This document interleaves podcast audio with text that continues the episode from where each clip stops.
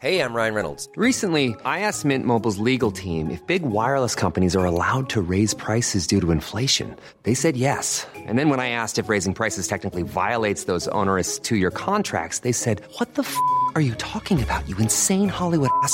F- So to recap, we're cutting the price of Mint Unlimited from $30 a month to just $15 a month. Give it a try at mintmobile.com slash switch. $45 upfront for three months plus taxes and fees. Promo rate for new customers for limited time. Unlimited more than 40 gigabytes per month. Slows. Full terms at mintmobile.com.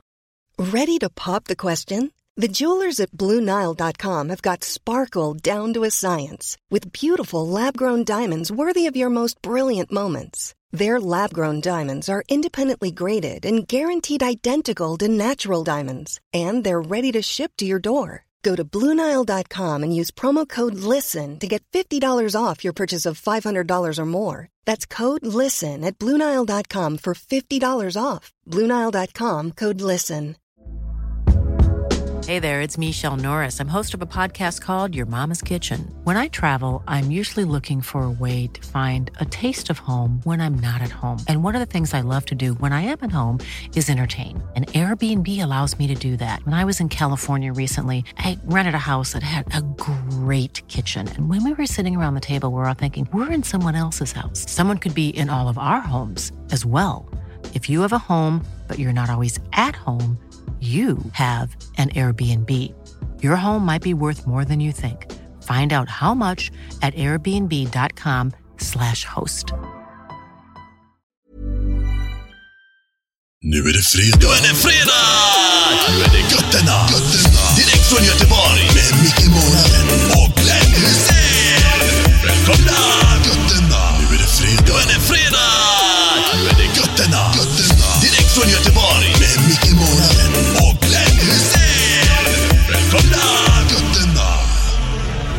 Tjenare, det var Glenn här igen.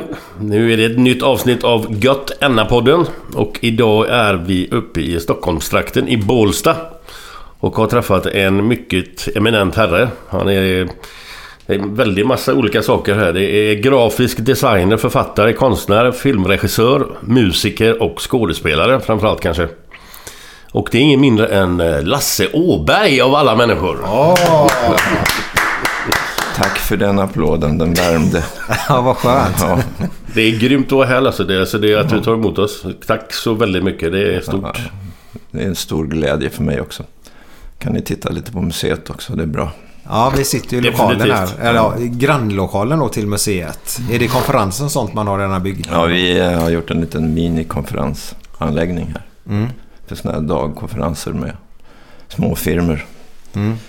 Kan vi ta en 20 personer ungefär.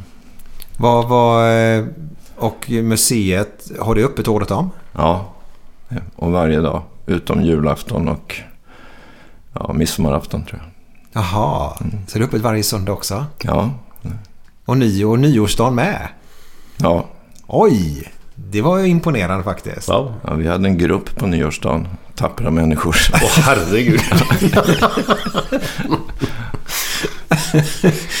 Nykterhetsförbundet som var... Ja, det måste det ha varit. IOGT. de, har, de har gått hit då eller? Ja, just det. Gick direkt hit.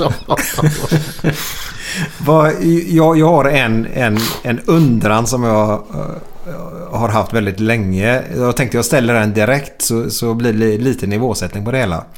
Eh, är du Hammarby-supporter eller inte?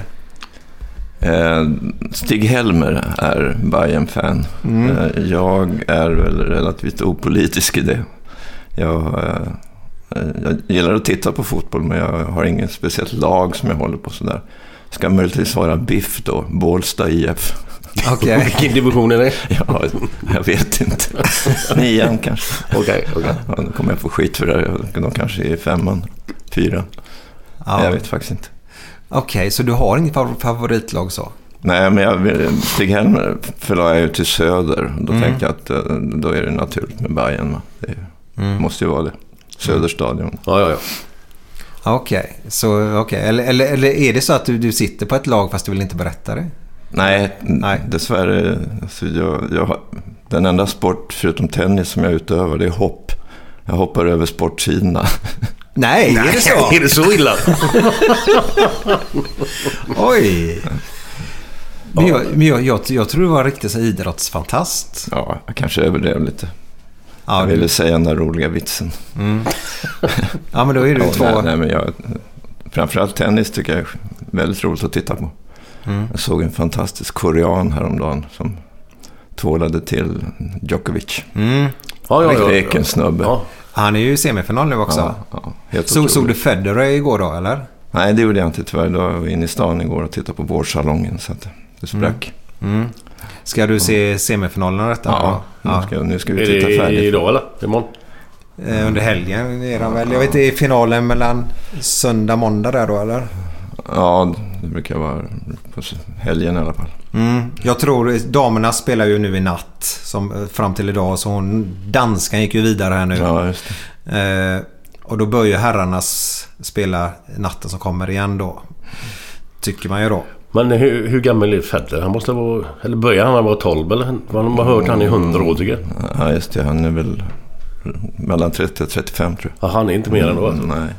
Nej, men i tennis så han har ju varit med så Det- länge. Men ja. vad duktig. Alltså, si- sicken, alltså jag gillar verkligen att se när han spelar tennis. Ja, han har världens vackraste backhand. Ja. Ja. Mjuk och enhandsfattad. Hur ofta spelar du? Eh, en gång i veckan brukar det bli. Eller, och då är det sån här eh, pensionärsmix. Så det, är, det är inte världens högsta tempo, men kul att hålla på.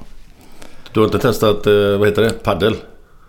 Nej, men de bygger en paddelhall där. Och, eh, Sonen och jag har gjort logotypen till den. Så det kommer en paddelhall här i Båstad. Vi har gjort det, Det två ser ut gånger. som badstrandstennis. Skitroligt alltså. Är det det? Ja, ja, Ja. fantastiskt kul. Ja, vad kul. Ja, jag, du hade gillat det Lasse. Helt klart. Ja, jag ska pröva. Så går det inte så fort heller. Men det- man hinner ju med liksom, fast det är svårt. Men det, det är ju inget, man springer inte ihjäl sig om man säger så. Det blir lite sån där Royal Tennis som det heter när man kunde använda väggarna också. Ja, ja, Ja. precis. Något liknande.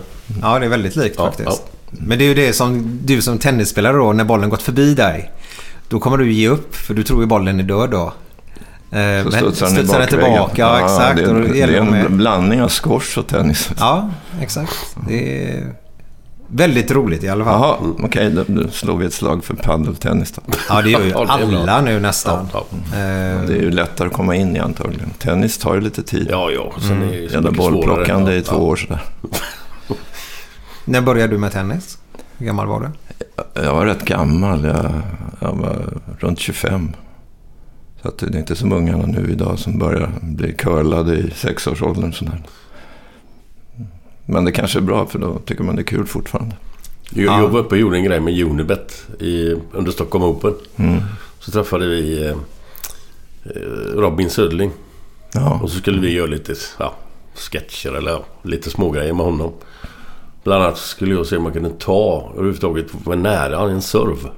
Som han slog. Du vet, jag, jag tror jag slog 20-30 stycken på raken. Jag, jag var inte i närheten. Nej, nej. Alltså det är helt omöjligt. Alltså det går ju så fort. Ja. Det är helt sjukt vad hårt de servar alltså. Och då tog inte han i till 100 ändå. Jag har varit med på sån här kändis-tennis pro-am på Stockholm Open några gånger. Så jag har stått mitt i, jag spelar med Björkman till exempel. Då står man så här mitt i stormen så här. Jävlar vad duktiga de är. Ja, det är helt sjukt. Man, man vet ju att det är svårt med tennis och att de är bra. Men när man väl står där ute själv och, och, och får se det där alltså, och känna hur det är, verkligen är. Alltså, hur, vad skickliga de är och vad snabba de måste vara. Alltså. Ja. Jag tittar på dubbel med deras uh, volley där. Alltså. Fram, Ja, och, ja. fram och tillbaka med en oerhörd hastighet. Det, är- ja, det är snyggt. Det är bara lätt. Vilket underlag gillar du att spela på? Eh, jag tycker de här nya mattorna är väldigt behagliga. De här Plexipave. Eh, när jag började så var det, jag hyrde tid på Kungliga flera år. Och i början där så var det någon sån där lite halvblank matta, du vet, gymnastiksalsgolv. Bollen studsade inte överhuvudtaget. Den bara Den gled. så. gled på, fram på en decimeters höjd. Ah, Ja, det var svårt. ja. Och sen Men- ny, nya material också, nya bollar. Har blivit lättare och de här gamla spadarna. Jag ärvde en gammal Schlesinger utav Ove Bengtsson. Som jag känner lite. Bengtsson, ja. Ja. Och då, då, då var det en sån här gammal träspade. Det går inte att spela med nu alltså. Det är helt omöjligt. Ja. Var, ihåg- var han med 75? Eller var det när de vann? Ja, han var med, Han var med då? Han var med en Davis Cup-vinst. Jag kommer inte ihåg vilket år, men... 75? Mm. Eller? Ja, jag är lite osäker där faktiskt. Tjeckoslovakien va? Eller? Ja, Jag är- vikt, vikt. Vet inte. Eh, Men 90 var det väl Björn Borg gjorde comeback va? Eller var det, var det 90-91 någon gång när han skulle, kom, gjorde comebacken och så kom han ut och så gjorde han det med trärack. Ihåg det? ja, Donay. Donay, ja. ja. just det. Får man göra reklam här? Nej. Ja, massor. Finns Donay? Nej. jag tror Ingen inte. aning. Inte ens. Men det gick ju inte så bra för honom då ändå. Men han gjorde ett tappert försök. Ja, ja. Men det var materialet där. Det har ju gått vidare då. ja, visst, visst. Det är en jädra skillnad. Eh, din uppväxt. Vi vill gräva lite grann. Ja, ja, okej. Eh, inga hemligheter men vi vill gräva. Är vi intresserade? Ja. Eh, Ingen gråt radio alltså. Nej, varken gråt. Eh, vet du vad? Då gör vi så här. Vi sätter nivån först Glenn. Har du lust att sätta nivån? Ja, det kan Glenn har en punkt i den här eh, podden där han sätter nivån. Ja, Okej. Ja, vi kan börja då. Varför köpte Stoke City Ramadan Sodi Vad är det? nyligen? Vad är det? Ja, exakt. Ah, ja. Stoke City är ett fotbollslag. De köpte en ny ja. spelare som heter Ramadan Sodi. Och varför köpte de honom? Jo, han är bra på fasta. Situationer eller? Ja, eller fasta. Ja, det, det, det är nörd, nörd, nörderi här nu faktiskt. Då. Muslim, ja. det. Ja. Vad var din nivå nu då? Eh, Nej, den, den höjer vi efterhand. det är så. Ja, Vi måste börja långsamt. Ja. Vart är du född än? Uppvuxen? Jag är född i Hofors i Gästrikland men forslades därifrån när jag var sex månader, gudskelov. Jag inget ont mot, inget mot Hofors men det var bättre att växa upp i Stockholm tror jag. Ja. Hofors, är det, är, det, är, det, är det nära, vad heter det? Hofjället va? Nej, nej, det ligger i närmaste större centralort. Det är väl Sandviken och... eh, Ah. Fa- Mellan Sandviken och Falun kan man säga. Ja, men då är jag med lite mer. Ja. Gästrikland. Mm. Min eh, släkt eh, är smeder ända från 1700-talet. Och sista smeden som var igång det var min farfar då. Han började på... Han kom från Sandviken och började på SKF då i Hos- Hofors Jaha. som smed. Och sen så flyttade farsan till Stockholm. Då. Han var smed halva ett tag men sen så blev han svarvare. Och dansbandstrummis. Ja, det är en bra kombination. Ja, det är, så låter det när de spelar. Var, var, varför fly- flyttade ni? Nej, farsan ville väl komma bort från... eh, Det, trots allt så är det ju... På sådana här bruksorter så är det lite lågt i tak. Va? Det, Mm. det måste man ju säga. Det är mycket, mycket jante. Ja, jantelagen Ja, ja. är stark där helt Mm, enkelt. mm. Ja. Det finns ju elfte budet. Har ni hört det? Nej. Du ska inte inbilla dig att det är bara du som tror att det inte är någonting. Det var ju bra. Ja, det, kan man inte föra in den i böckerna? Den var ju riktigt bra ju. Ja, det är, ja då, då, då förstår jag. Det är högre tak i Stockholm. Fast det är mer jobb i Stockholm också, eller? eh, Eller det brukssamhället hade mycket jobb kanske. Eller han ville iväg därifrån bara helt enkelt. nej, han ville iväg. Alltså, han, han var ju en skicklig yrkesman så han fick jobb i Stockholm. Mm. Och, eh, Vilken stadsdel växte du upp i? Kungsholmen. Kungsholmen? Längst ut. Fredhäll heter det. det. Och det var ju... Morsan och farsan fick bo gratis ett halvår om de kunde tänka sig att flytta så långt ut. Oj, vilken skillnad mot idag. Ja, akta det. Men Kungsholm, är det Sankt Eriksgatan där? Eller? Nej, Fredhäll ligger med Tranebergsbron om du vet. Ja, vad- ja, ja yes. Det är den stadsdelen som ligger där innan. Okej. Och där växte vi upp och där eh, latchade vi på gatorna i timtal utan att det kom någon bil. Mm. Så var det. Bara- Latchade bara fotboll, på- för- eller? Ja, bland annat. Ja. Och kull och allt vad vi gjorde. Mm. Och då gick du att leka på gatorna? Det gick att leka på gatorna till någon skrek hets en bil. Då gick man åt sidan lite. Det Hets! kom någon gammal DKV puttrande sådär. DKV också Två, sådär två taktare med, trehjuling. med träram. Men vad, vad var det ni ropade? Sa du, sa du hets? Hets en bil, kommer jag ihåg att de skrek. Okej. Varför just... Hets grabbar. Jag Vad vet inte var, liksom hade vad det- kom, fått det ordet från. Nej. Jag vet inte. Nej. Vad, hur, hur- hur var det att växa upp då? Var, var, det, var det bra ställe att växa upp på? Ja, det var det. det. Farsan och morsan var snälla. Mm. Jag upplever det som kärleksfulla. Var ni många ungar eller? Vad var, var vi? Många barn? Jaha, en bror har jag. Som är min diametrala motsats. Han är rakryggad, han är sangrefärgat hår. Um, var väldigt duktig gymnast och är brobyggnadsingenjör. Oj. Alltså det är så långt från mig som det går. Va? Jag undrar vad morsan gjorde. Men Det var härligt. Ja. Att man kan bli så olika ändå har man samma uppfostran. ja, precis. När, när fick du intresse för eh, film och sånt? Vilken utbildning har du efter grundskolan? Jag har en magisterexamen i grafisk formgivning från Konstfack. När, när blev du Eh, intresserad av det? Jag, jag tecknar ju sen jag var, ja, alltid kan jag säga. Mm. Från huvudfotingar och framåt så har jag ritat som det heter.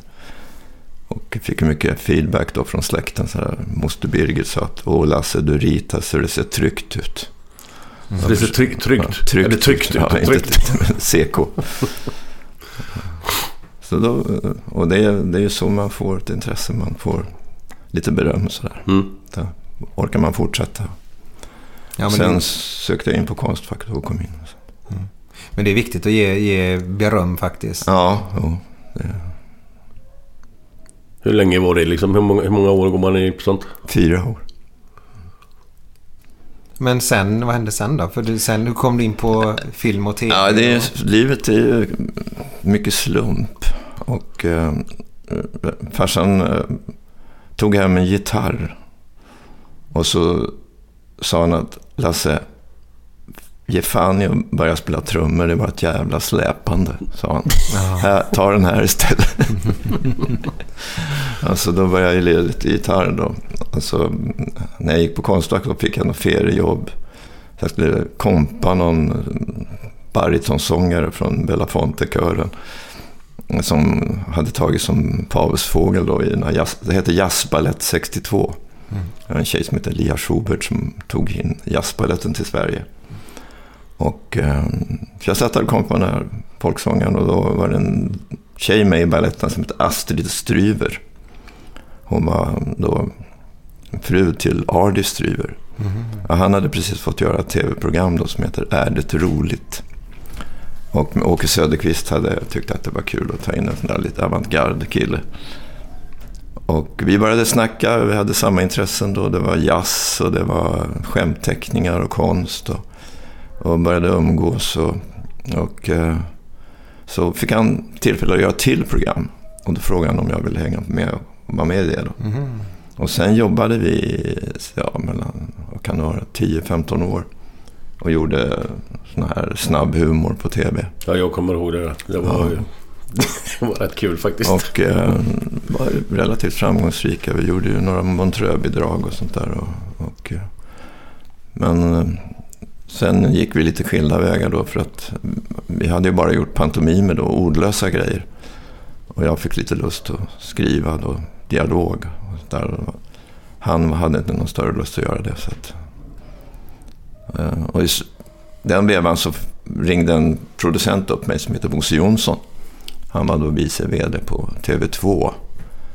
Och han tänkte starta eget filmbolag då. Så frågade han mig om vi inte kunde göra ett försök att göra en film. Mm-hmm. Och då satte vi oss ner och grubblade och kom fram till att vi ville göra en, sån här igenkänningskomedi. Alltså det heter recognition comedy. Så att man håller upp en spegel och visar hur vi människor gör då. Eh, Och då listade vi vissa teman. Vi började med repmånaden då, som vi hade varit med om båda två. Hur, hur man gör pojkar av män, undertitel. ja. Har ni gjort repmånad? Nej, det, jag har aldrig funnits några pengar till sånt. tror jag. Nej, de la ner... eh, När jag låg inne i militären så la de ner det. Borgarna vann Ja, 91. Ja, la de det, är en riktig lek, det var en riktig lekstuga när jag var med om det. Man har hört rykten har man gjort. Ja, det, det är ju det är rätt så befriande för hårt ansträngda män i näringslivet att komma ut i skogen och få latcha och leka lite, även om det har allvarliga undertoner. Då.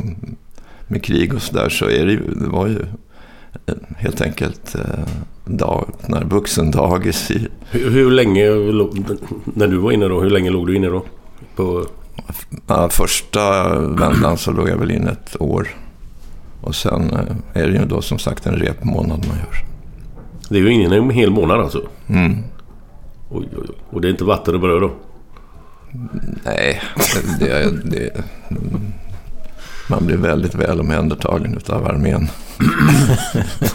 Men det, det är väldigt intressant att det var så på den tiden. Mm. Eh, först att man ligger inne och sen då ska man tillbaka. Det var ju ett tag däremellan. Hur Mm. lång tid var det ungefär? Kommer du ihåg? Var det olika? Tio år tror jag det var. Tio år? Ja, Ja. jag tror jag gjorde det i slu- slutet på 60-talet och jag muckade väl 59. Tror jag. Och var det med exakt samma polare som man gjorde repmånaden också? Ja, en del Ja. var det ju. Så det var ju ett kärt åt- återseende Ja, ja. också. Det, var ju, det är ju som i filmen då. Det, Ja. man träffas igen och fnissar. ja, man blir som pojkar på nytt. Ja, visst. Det, Ja. det var ju hur man gör pojkar av män. Ja. Ja. Det, det som är lite synd då att inte egentligen... För att mina barn och barnen som växer upp nu att de ska kunna känna igen sig i det. Det är att du skulle fortsatt så i militära. Då hade den ju kunnat fortsätta även filmen på ett annat sätt. Men det är rätt nyttigt att slipa av sig socialt också. Man är tvungen att vara i en grupp sådär. Det är, jag tror att det är en, en bra skola. Ja, ja, ja. Om man nu bortser från den mörka bakgrunden där med krig och skjuta och sånt där så är det ju, borde ju alla vara på någon slags läger sådär för att, att eh, lära sig ett socialt spel. Ja, men det är det. Men det är ju därför jag, jag har hållit på med fotboll i livet. Ja, Det är, det är en grupp som ska grej. göra Ja, någonting är. vettigt Ja. och kul. Det är ju Ja. ungefär samma sak. ja exakt. Ja. Fast, Men- det, fast det känns som att i militären där så, så är det, det finns vissa som går in väldigt mycket för det. ja, ja, ja. Och Ja, det- just det. Och de hade till och med ett namn, Stridisar. ja. ja. De som tog det. Det var Ted Åström som var lite den där va? Han var den ja, i repmånad. Så har ni inte sett repmånaden där ute ni som lyssnar här nu så gå in och se på den igen alltså. Den är riktigt bra. Ja, det är... Men då, då, vad, vad, vad, fick ni? Satt ni... När ni började så här att vi vill göra en film. Då han skulle starta ett Mm. bolag. Du ville ju köra dialogen lite grann av detta då. Ja. Sitt, sitter man på kammaren där ihop då och börjar bolla idéer och sånt? Och, eller hur föds det fram? Eh, Nu bara ja, säga att- ja, man studsar ju grejer mot varandra. Och, eh, vi, sen hade vi lite skrivhjälp i början också av Lars Molin. Mm. Eh, var med i början lite där. Och eh, jag lärde mig lite av honom där. Det handlar om dramaturgi. Eh, och det, det är så, verkar ju så självklart men det är ofta så spricker dramaturgin i vissa filmer. Alltså det, Hitchcock sa ju att eh, hänger man upp ett gevär i början av en film så ska man fan skjuta av det innan filmen är slut. och är man i Holland så ska man visa tulpaner. Okej. ja, man Det var, hjälpa vettigt, det var ganska vettigt. Ja, det ska vara en framåtrörelse. Ska en, man ska börja med en slags introduktion då av huvudkaraktärerna och sen ska det vara en framåtrörelse och sen ska det vara en avrundning. Och det låter väldigt enkelt men det är ofta som det spricker på det i, i filmer sådär. Mm. Och det var jag tvungen att lära mig då. Hur, hur lärde du dig det? Den hårda vägen. Jag bollade med Bosse då som hade mera erfarenhet. Bosse Jonsson som var producent. Det är ganska intressant hur en film är uppbyggd som du säger då. Med karaktärerna först och sen ska det lite lugnt Ja. och sen ska det hända någonting efter. När de, för jag har förstått det i filmer då så har de nästan till och med på minuten så ska det hända vissa grejer för att Ja. fånga publiken Ja, då. ja, ja. Ja, det. Det, det, det låter så lätt där med dramaturgi men, men, och det är så självklart men det är, det är svårt att få fart på den. där. Det, Men jag snackade med Micke på vägen hit. Eh, vi snackade lite om Monty Python och så här. Men även de här filmerna som ni har gjort. När, när man ser filmerna om och om, och om igen. Jag kan se dem hur många gånger som helst. Så märker man någonting. Vad fan, det där har jag inte sett förut. Nej, just det. Då kommer det någon ny grej. Som Ja. man, någonting som händer i bakgrunden eller någonting. Eller vad- något av vad som helst. ja, jag har hört det från... Kommer på nya grejer hela tiden. Jag har faktiskt varit statist i Monty Python. Alltså, Ja, oj. Vi var nere i Montreux så träffade vi Monty Python-gänget. Det var när de, när de breakade, som det heter på nysvenska. Och eh, stod och skvallrade i baren där med, med gänget. Då. Och eh, framförallt en kille som var deras regissör som heter Ian McNaughton. Och han sa då som man brukar säga att eh, kommer du till London så hör av dig så kan vi gå ut och ta en pilsner. Och jag sa det till honom också. Kommer du till Stockholm så slå en signal. Och eh, till hans stora förvåning så åkte vi åkte till London och eh, då ringde vi upp honom då, frun och jag. Ja, ja men tyvärr, vi, vi, vi är inte i London. Vi ska lira in ett avsnitt i Norwich. Eh, men ni kan få vara statister. Ja, ja, vad kul. Så att vi åkte upp till Norwich där och de var utklädda till franska, franska, eller engelska tanter på besök i Frankrike. Man hade byggt om torget, torget i Norwich till ett franskt torg. Och så gick det de som engelska damer då, utklädda till engelska damer. Och i varje port så bodde det, här, som de gick in i, så bodde det franska kulturpersonligheter. Det var liksom sketchen då. Och då gick Inge, hon var klädd då som uh, hooker. Och jag som fransman med baguette under armen och basker gick förbi där. Var det där, är, det, är det den sketchen? När man, eller är det samma kanske? De springer ut och in som fan i, i dörrarna, eller? Det är inte ja, nej, jag, jag, jag, Det jag har faktiskt inte... Ja. Och sen så var vi med när de- en fruktansvärt rolig grej när de skulle... En konsertpianist kommer in, äh, sätter sig på pianopallen, ska precis slå ner tangenterna på pianot. Och exakt i det ögonblicket man gör det så åker alla kläderna av honom med linor så här så att han sitter naken. Och det där var det 15 omtagningar på som var asroliga. Ibland åkte allting av utom ena byxbenet. Ibland åkte allting av utom ena armen. Ja, så det där njöt vi av. Var, var det en av eh, dårarna själva som satt där då, eller? Ja, det var ena killen. Hur, alltså, det, är min stora favorit, John Cleese alltså. Alltså, Ja, ja. Hur är han som person? Är han... Han var kul. Han var normal. Han var väl den enda hetero i gänget tror jag. De andra är ju gay. Jaha, det hade jag ingen aning om. Erik Idle.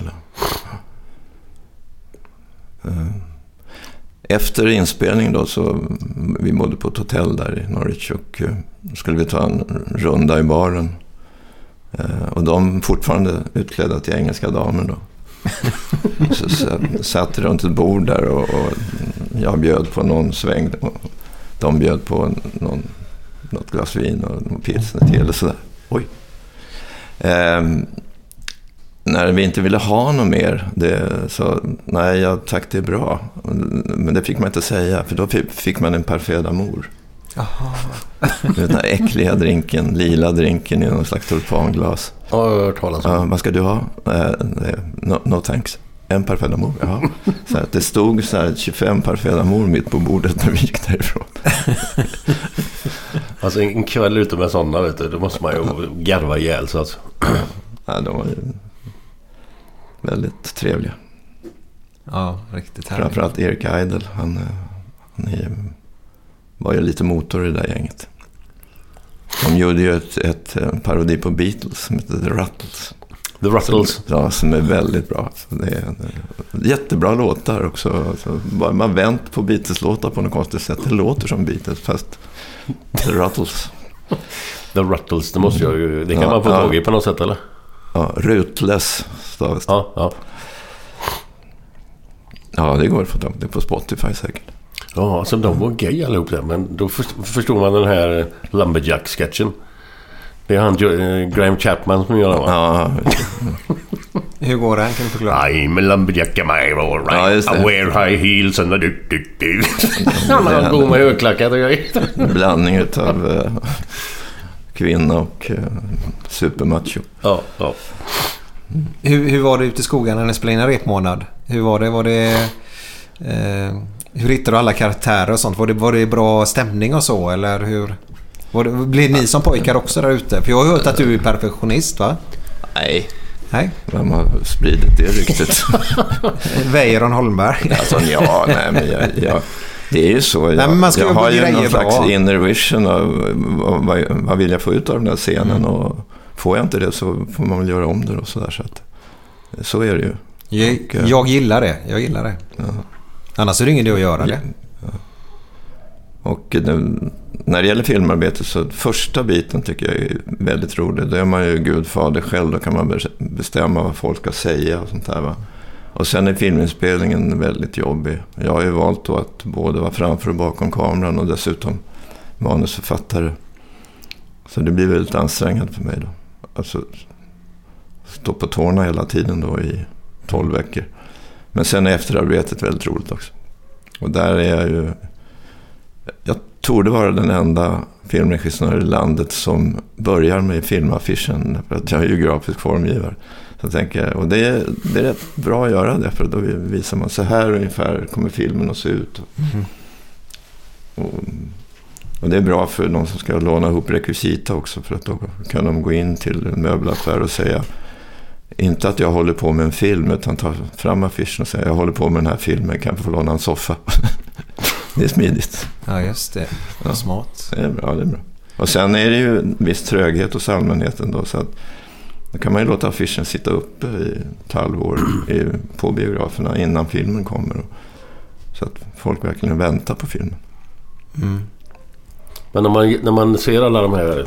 Vi var inne på Monty Python här och vi hade Rippe med, Jan Rippe Ja. med i ett avsnitt. Jag även honom då alltså... När de, när de sitter och kommer på de här sjuka sketcherna som är... De, alltså det är så sjukt så det är löjligt alltså. Man gapskrattar ju åt det. Måste, ni, alltså, sitter man och tar sig på whisky på järn då? Eller när man kommer på de här idéerna? Men det gjorde de ju inte. Men man undrar ju. Ja, Monty Python liksom. De sitter där och röker på. Eller för att komma på sådana här grejer. Både Galenskaparna och Monty Python är ju lite väsensskilda från det som jag håller på med tycker jag. De är ju lite mer studentikosa sådär. Jag håller ju på med lite mer med folklivsforskning. hur, hur gör vi när vi åker på semester? Hur gör vi på, när vi är på sjön och sånt. Men eh, det måste ju vara en twist på grejerna naturligtvis. Men eh, jag börjar ju nästan som journalist. Jag frågar ju folk, har ni varit med om något kul? Så där. Och då får jag ju såna här historier som att eh, han som ska lära frun laga mat i hårt väder och sätter den i hammocken och gungar den så ska hon tända ett spritkök. Vad det är. det är det var en sån här vandringshistoria som är klockren tycker jag. Sånt gillar vi. Ja, den är bra. Men Glenn, det är dags för lite fredagskänsla. Absolut.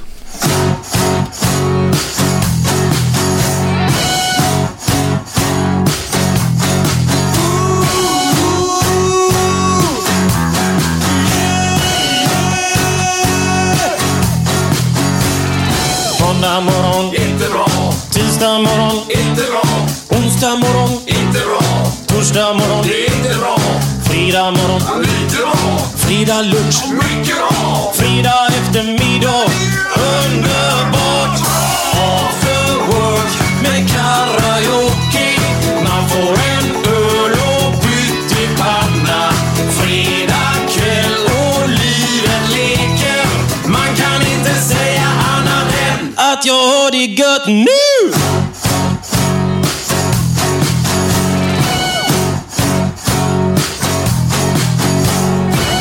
Måndag morgon, inte bra, tisdag morgon, inte bra, onsdag morgon, inte bra, torsdag morgon, är inte bra, fredag morgon, lite bra, fredag lunch, mycket bra, fredag eftermiddag. Underbart!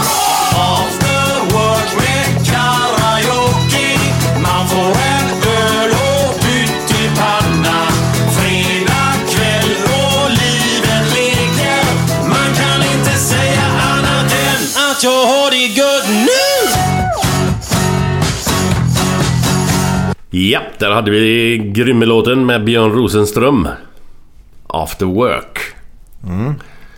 Vad, eh, den här var ju lite fredagskänsla, ledighetskänsla. Eh, och eh, det är ju någonting som vi vill ge till våra lyssnare då. Och igenkännesfaktorn, just den här känslan inför ledighet och... Eh, har, har du haft något, din ledighetskänsla, din fredagskänsla i livet, vad har det varit? Eh, men jag har ju varit frilanser. Min sista fasta anställning var 1958. Det var inte jag ens född. Så att eh, jag har inte... egentligen inte haft någonting att vara ledig från på det sättet. Jag brukar ju vara lite kokett säga att jag arbetar så fort jag får en ledig stund. Nej, men jag, jag har ju också någonting som eh, kallas för jobby. Jag har alltså jobbet som hobby, Mm. kan man säga. Utom kanske i filmsituationen, där är det ju verkligen hård press på mig. Men annars så eh, har jag försökt mig som tecknare och konstnär. Då. Men när en film är klar alltså, den är helt färdig. Du har klippt sista biten, du har Mm. släppt, alltså man släpper iväg det att nu är det färdigt, nu åker den iväg. Mm.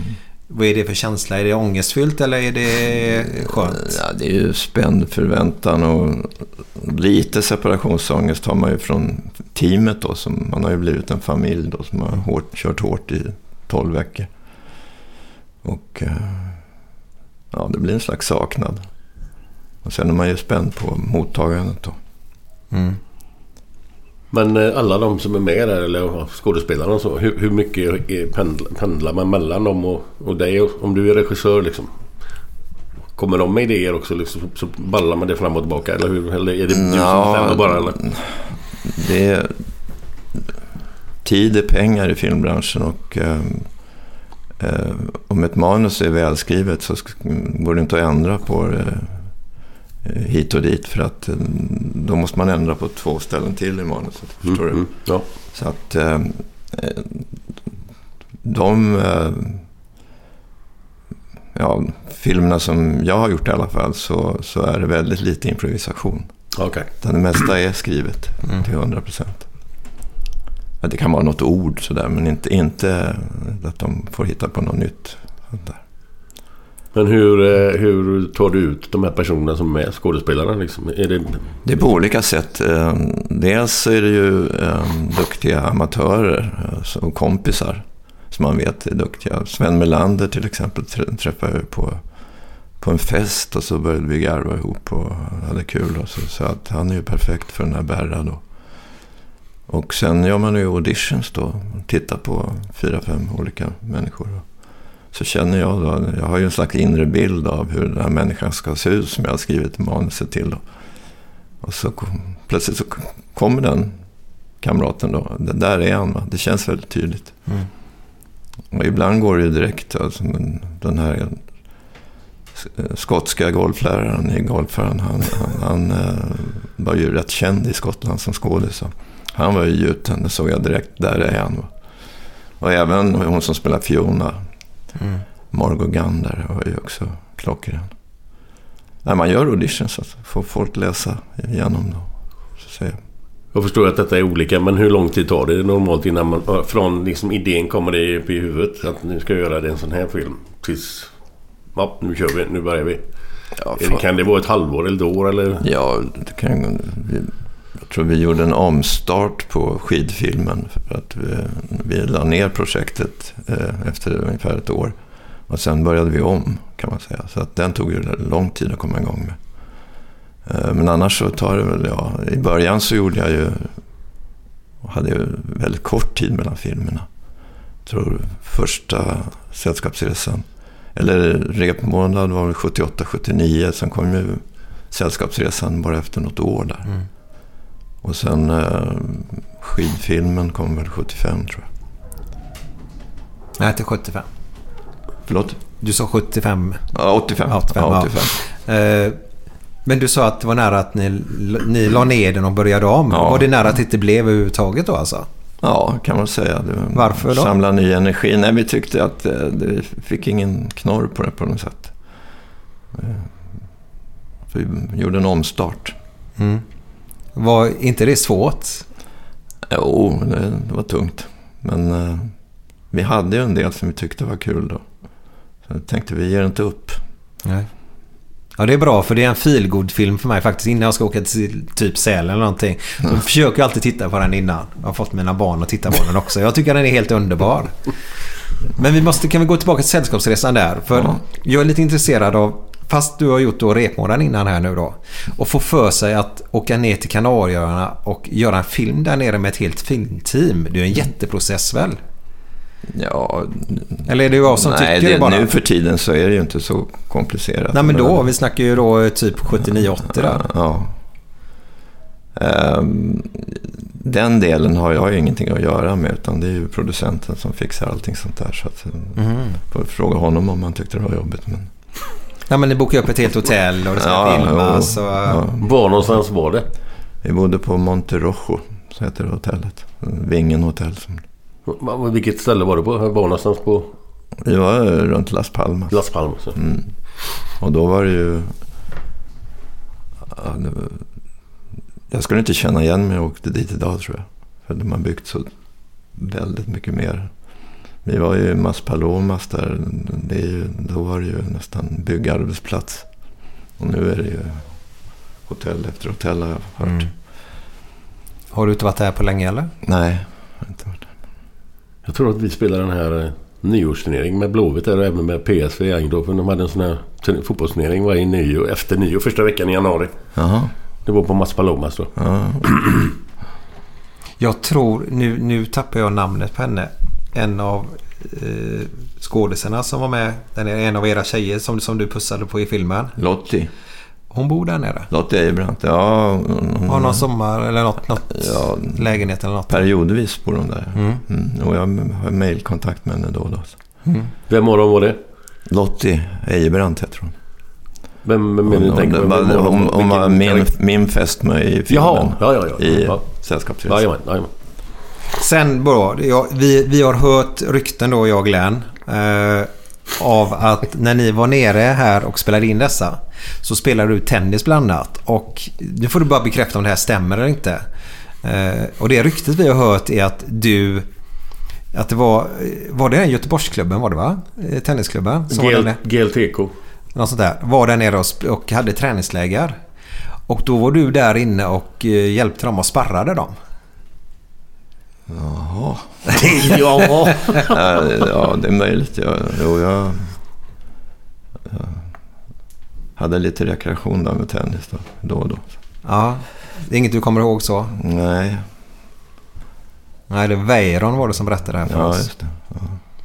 Och Weiron och Roland Jansson, de enda två som var nyktra där nere också, var ryktet.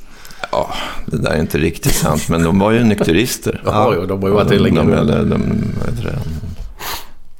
Nyktra alkoholister. Mm. För Roland var ju väldigt noga med att det, nej, minsta ölskvätt i glaset så blev han rasande. För Jaha. att han var rädd för att torska dit igen. Då. Ja, ja, det var Mm. Ja, det var ganska nyligen. De hade slut, han slutade var 78 tror jag han berättade där. ja. Nej, vi gick ju ut på kvällarna och käkade ihop i teamet och lite skådisar och sådär. Och då tog man ju lite vin till maten. Men det går inte att kröka. Man ska upp tidigt på morgonen och sen vara i farten. Och det är rätt ansträngande. Så att... Mm. Vi hade en bar, en grillbar som gick till väldigt ofta. Som hade väldigt dålig ventilation. Så vi döpte den till Osa-Nisse. Det var ju bra ju. Det är ju lite Berra hem Berra. Ja, det är den sorten. Ja. Var, var det i manuset när den åkte ner eller var det någonting som dök upp där nere? Ja, det var inte med i filmen. Osa-Nisse var inte med i filmen. Nej, men Berra hem Berra Nej, det var jag. med i manus. Det var det? Ja. På, på, på det språket också som du uttrycker Ja. dig? Ja, precis. Han härmar ju göteborgaren där. Ja. Stig, Stig Helmer blev lite kaxig när han fått någon pilsner i sig härma Weiron. Vad- vad- vad- fick du det ifrån det här med eh, eh, brödrost? Eller ja, tekniker eller vad var det? Hur, hur kom man på just brödrost? Alltså, Det, är- det är sånt eh, anonymt arbete. Där det står en liten lapp i någonting man köper. Kontrollerad av G17. Men fan är G17? Det var ett Stig Helmer då. Brödrostkontrollant. Alltså, jättelångt Man bara ord. komma på en sån ja, ja. Och frågar Hasse Alfredsson. Vi har, Tak håller på att blåsa av. ja, vi har mycket oljud här. Det är storm här uppe nästan nu känns det Ja, det, jag tror att det nästan var mellan 15 och 20 sekundmeter här.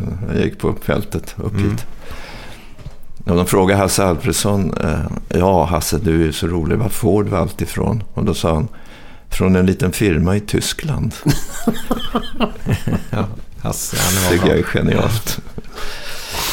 Är det så när du är ute och som du säger, du, du jobbar ju jämt och hade inte den, alltså när du var ledig så jobbar du genom att studera folk helt enkelt? Nej, det, det, det, Det vet jag inte om jag gör, men jag har väl rätt bra öra för, för, för hur folk umgås och pratar och sånt där, det tror jag. Eller, Det är inte så att jag sätter i system direkt.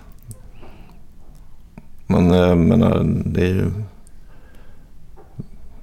Jag läser ju mycket. Jag, man får ju in- inputs från olika håll. Mm. Men det, det, jag är väldigt road av att skriva i dialog. Det, det är fantastiskt att få lägga saker i mun på folk. Skriver du än idag? Ja, jag har räknat ut att jag har skrivit nästan lika mycket som jag har tecknat genom åren. Alla manus och alla tv-program och Mm. böcker. Så att det har varit väldigt mycket skrivande. Vi var hemma hos eh, Alexandra Sassi för, i tisdags var det va? Två dagar sedan. Ja. Två dagar sedan. Då hade hon två tavlor som du hade gjort. Jaha. Och då sa hon att det där är Musse Pigg. Musse Pigg sa hon till mig. Jaha. Då var det en fisk. En platt fisk. Som låg på någon tallrik eller någonting. Mm. Och sen var det andra grejer. Alltså jag fanns inte en chans att säga att det var Musse Pigg. Men till slut när hon förklarar vad varje grej var. Ja, där är öronen. Där är det. Då ser man det liksom. Men det tar ju tid innan man får in det där. Den använde Sjömagasinet som matsedel, den bilden. Jaha. Vet, vet du vad den heter? Något fyndigt. jag kan inte komma på. Musselpigg-var. Musselpiggvar. Ja, Ja, det är världsklass alltså. Det är ju grymt. Den var väldigt fin var den. Väldigt fin. Ja, kul att teckna djur. Hur, hur, hur kom det där fram från ena till andra med just Musse Pigg liksom? Vad, det någon favorit du har haft genom åren? Ja, när jag var barn så en, en matinéföreställning utan ett tecknat förspel, det var en förspilld dag. Ja men just Musse menar jag. Ja, Disney var ju det som Ja, fanns ja. i stort sett. Och det var ju de som var bäst också. Som gjorde de roligaste. Ehm, sen så tänkte jag att nu ska jag inte vara så barnslig längre. Men så var jag på Konstfack och då kom eh, den första poputställningen till, till Sverige. Pontus Hultén och Billy Klyver tog hit en utställning som heter Fyra amerikaner. Och jag blev väldigt förtjust i popkonsten. Alltså den, popkonstens mantra det är ju att om du inte hittar någonting inom en meter ifrån dig som du kan teckna av eller måla av så är du ingen riktig konstnär. Du kan ta en ölburk eller en serieruta eller vad fan som helst och påstå att det här tycker jag är vackert och det här är konst. Så då köpte jag rätt oselektivt sådana här mussegrejer som kunde vara någon badskumsflaska ur Bålsta färghandel eller du vet, vad som helst med Mickey Mouse på och använder det som modeller i bilder. Så började det. Och detta var väl då runt 1970 ungefär. Och sen hade jag min första utställning 73 tror jag. Och sen har jag knallat på med det. Då. Och nu har jag varit väldigt flitig. Jag har gjort över ja, 300 litografiska upplagor. Men det är inte, det är inte bara Musse Pigg. Det, det är, kan vara kanske 10 procent av bilderna är det. Men det, jag har blivit kopplad till Pigg eftersom Ja, det- folk tycker det är lite underligt sådär. Vad fan, Pigg, varför det? Men, men just en sån tavla då, som säger den med fisken där. Mm. Vad, hur lång tid tar det att göra en sån? Ja, de är ju... Jag vill ju att de ska vara väldigt vältecknade. För att ju dummare idé, desto mer vältecknat måste det vara på något sätt. Va? För att det ska bli någon slags spännvidd i bilden. Så att eh, den ligger fram, kan ligga fram eh, i ja, ett halvår. Åh herregud. Och går jag, jag sitter ju och tecknar hela tiden, men jag går dit då och då sådär. Eh, Jag har flera bilder på gång samtidigt också. Jag har väl en tre, fyra nu filmer som ligger och som jag petar på lite då och då. Men, men såna, såna tavlor, är det, är det någonting som sitter i, som kom- kommer här uppe bara? Eller är det grejer som ligger utlagda på ett bord och du målar av det? Eller hur funkar Jag har dem i en stor låda. Ehm, mycket... Jag har ju plåtat förlager rätt så ofta. För att eh, om man ska måla en blomsterbukett eller teckna en blomsterbukett. Så den är ju rökt efter två dagar. Så det är lika bra att fotografera av den. Okej. Men jag, jag kallar mig då för konceptuell. Då, att, att jag har det är inte så att jag går ut och målar ett landskap och bara målar ett landskap. Utan jag måste ha någon idé. Och eh, så jag är lite idésniken så jag har alltid en liten bok med mig och så får jag något infall då. Så skriver jag upp det i boken och så tittar jag, är jag fortfarande road av det här? Och ibland blir det så att jag gör bilden då. Eh, och eh, jag kallar det för grafiska spratt eller visuella hyss. Eh, och jag vill alltid att eh, åskådarna ska dra lite på smilbanden när de ser bilden. Va? För att de ska, just som du, så småningom upptäcka någonting i Ja, bilden. ja.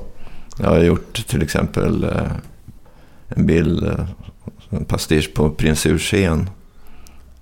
Han har gjort en väldigt berömd målning som heter Molnet. Och då gjorde jag en, en prins Eugen liknande bild. Och så småningom så ser åskådaren då att det är faktiskt, molnet är i form av en Mickey Mouse. Va? Ja, sånt där, I början så ser de inte det. Man ser, man ser vad man ser på något sätt. Mm. Då ser man det här, det här landskapet. Jaha, vad, vad är det här? Och så ser de molnet så blir de väldigt glada. Ja visst, ja där ja. Åh, vad kul. Men det är väldigt, jag, jag tycker det är kul som att Jo, titta det på någonting. Att, att finns fyndigt. Mm. grejer att hitta i... Där är också en... eh, det- Det finns en man som heter Piet Mondrian. Han gjorde sådana där bilder. Och där har jag gjort en Mondrian Mickey Mouse. Så småningom så ser du röda byxor, gula skor, en knapp, öga, nos, två fyrkantiga öron. Nu får jag riktigt bita ihop här alltså. Ja. Är kroppen röd? Brallorna är röda, kroppen är svart ovanför. Så är det en gul knapp. Men allt är fyrkantigt. Och är ögonen sa Ja, men du? han, han, han sitter väl åt det hållet och tittar Ja, på just det. Ja. Nosen åt det hållet. Ser du det? Nosen är ju där framme Glenn. Och ögat Ja, ja. ser du, är det vita. Och så tittar han utåt så. Det hållet? Ja. Ja, kan lämna det. Men han kan, han, nu kommer inte han kunna prata. Det här ger Glenn ångest.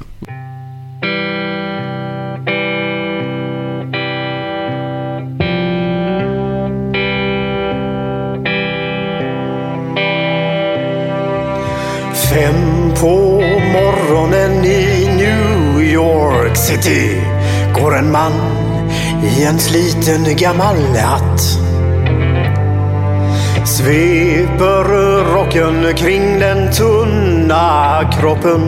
Huttrar till, det har varit kallt i natt. Ser en strumpa sticker ut ifrån hans sko. Vandrar vidare men utan framtidstro. Fem på morgonen i Hallonbergen står en kvinna med gråten i sin hals. Tittar håglöst in i morgonsolen. Hon är trött, hon har inte sovit alls. Två av fem miljarder människor på vårt klot. Men mot deras ångest finns det ingen bot.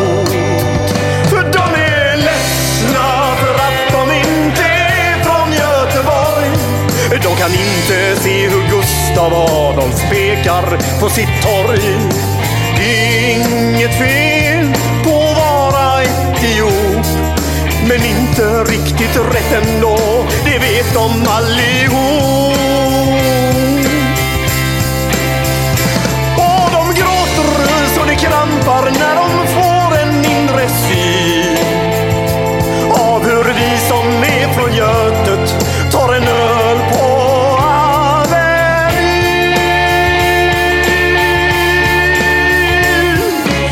fotbollskille får sitt genombrott och snackar proffskontakt med fem italienska klubbar. Ändå känner han att tåget har gått. En annan gubbe med en ollontusing och en latextjuva skriker ta mig ur röven gubbar. Men det ger honom inte nåt. Samma tomma blick och tårar salta smak.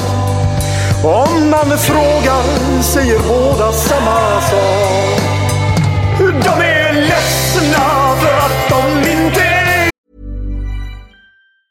Hey, it's Paige DeSorbo from Giggly Squad. High quality fashion without the price tag. Say hello to Quince. I'm snagging high-end essentials like cozy cashmere sweaters, sleek leather jackets, fine jewelry, and so much more. With Quince being 50 to 80% less than similar brands and they partner with factories that prioritize safe, ethical, and responsible manufacturing. I love that. Luxury quality within reach. Go to quince.com slash style to get free shipping and 365 day returns on your next order. Quince.com slash style. I'm Sandra, and I'm just the professional your small business was looking for. But you didn't hire me because you didn't use LinkedIn jobs. LinkedIn has professionals you can't find anywhere else, including those who aren't actively looking for a new job but might be open to the perfect role, like me. In a given month, over 70% of LinkedIn users don't visit other leading job sites. So if you're not looking on LinkedIn, you'll miss out on great candidates like Sandra. Start hiring professionals like a professional. Post your free job on linkedin.com/achieve slash achieve today. Hey Dave. Yeah, Randy. Since we founded Bombus, we've always said our socks, underwear, and t-shirts are super soft. Any new ideas? Maybe sublimely soft. Or disgustingly cozy. Wait, what? I got it. Bombus. Absurdly comfortable essentials for yourself and for those facing homelessness. Because one purchased equals one donated. Wow, did we just write an ad?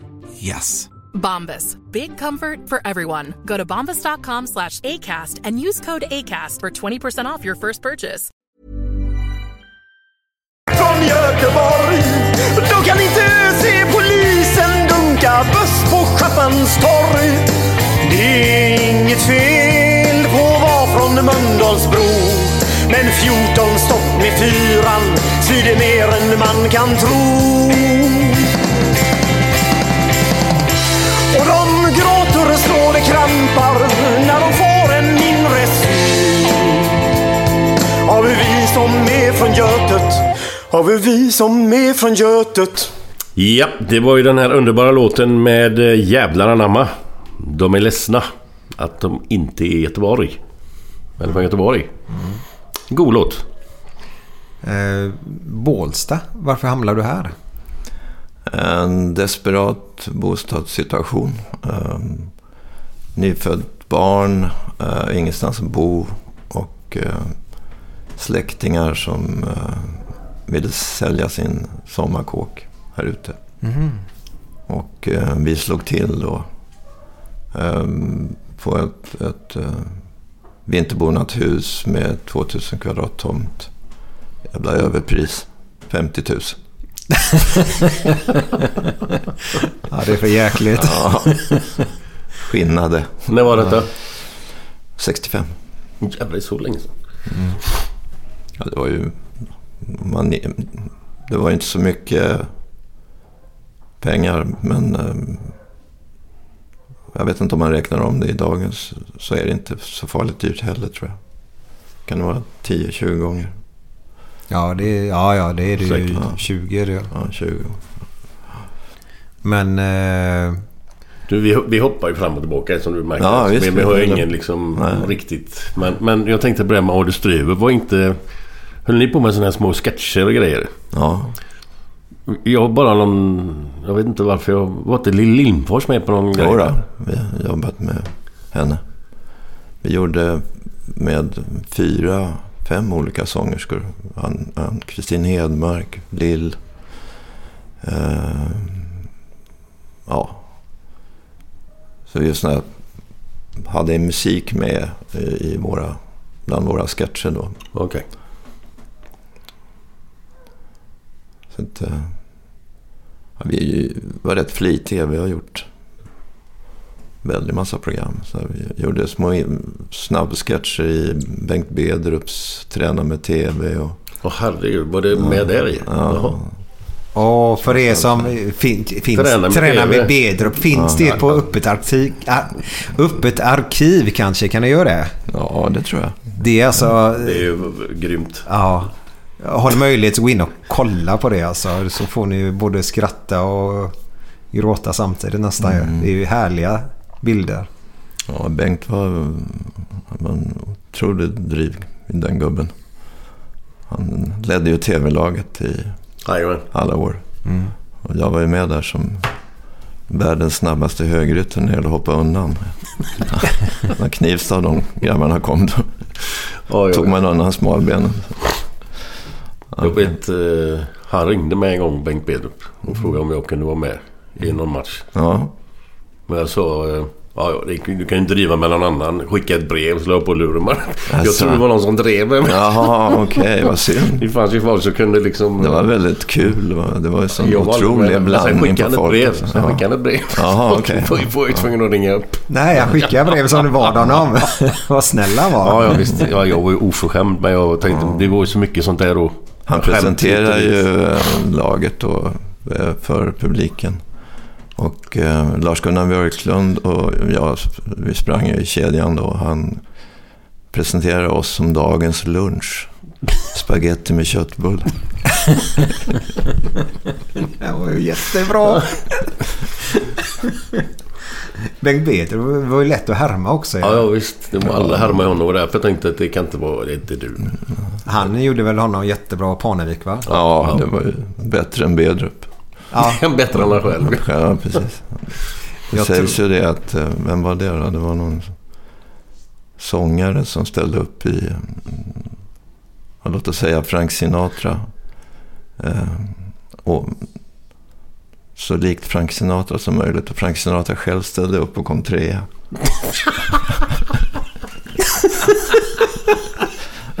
Ja, det är grymt. En ordinarie kom bara trea.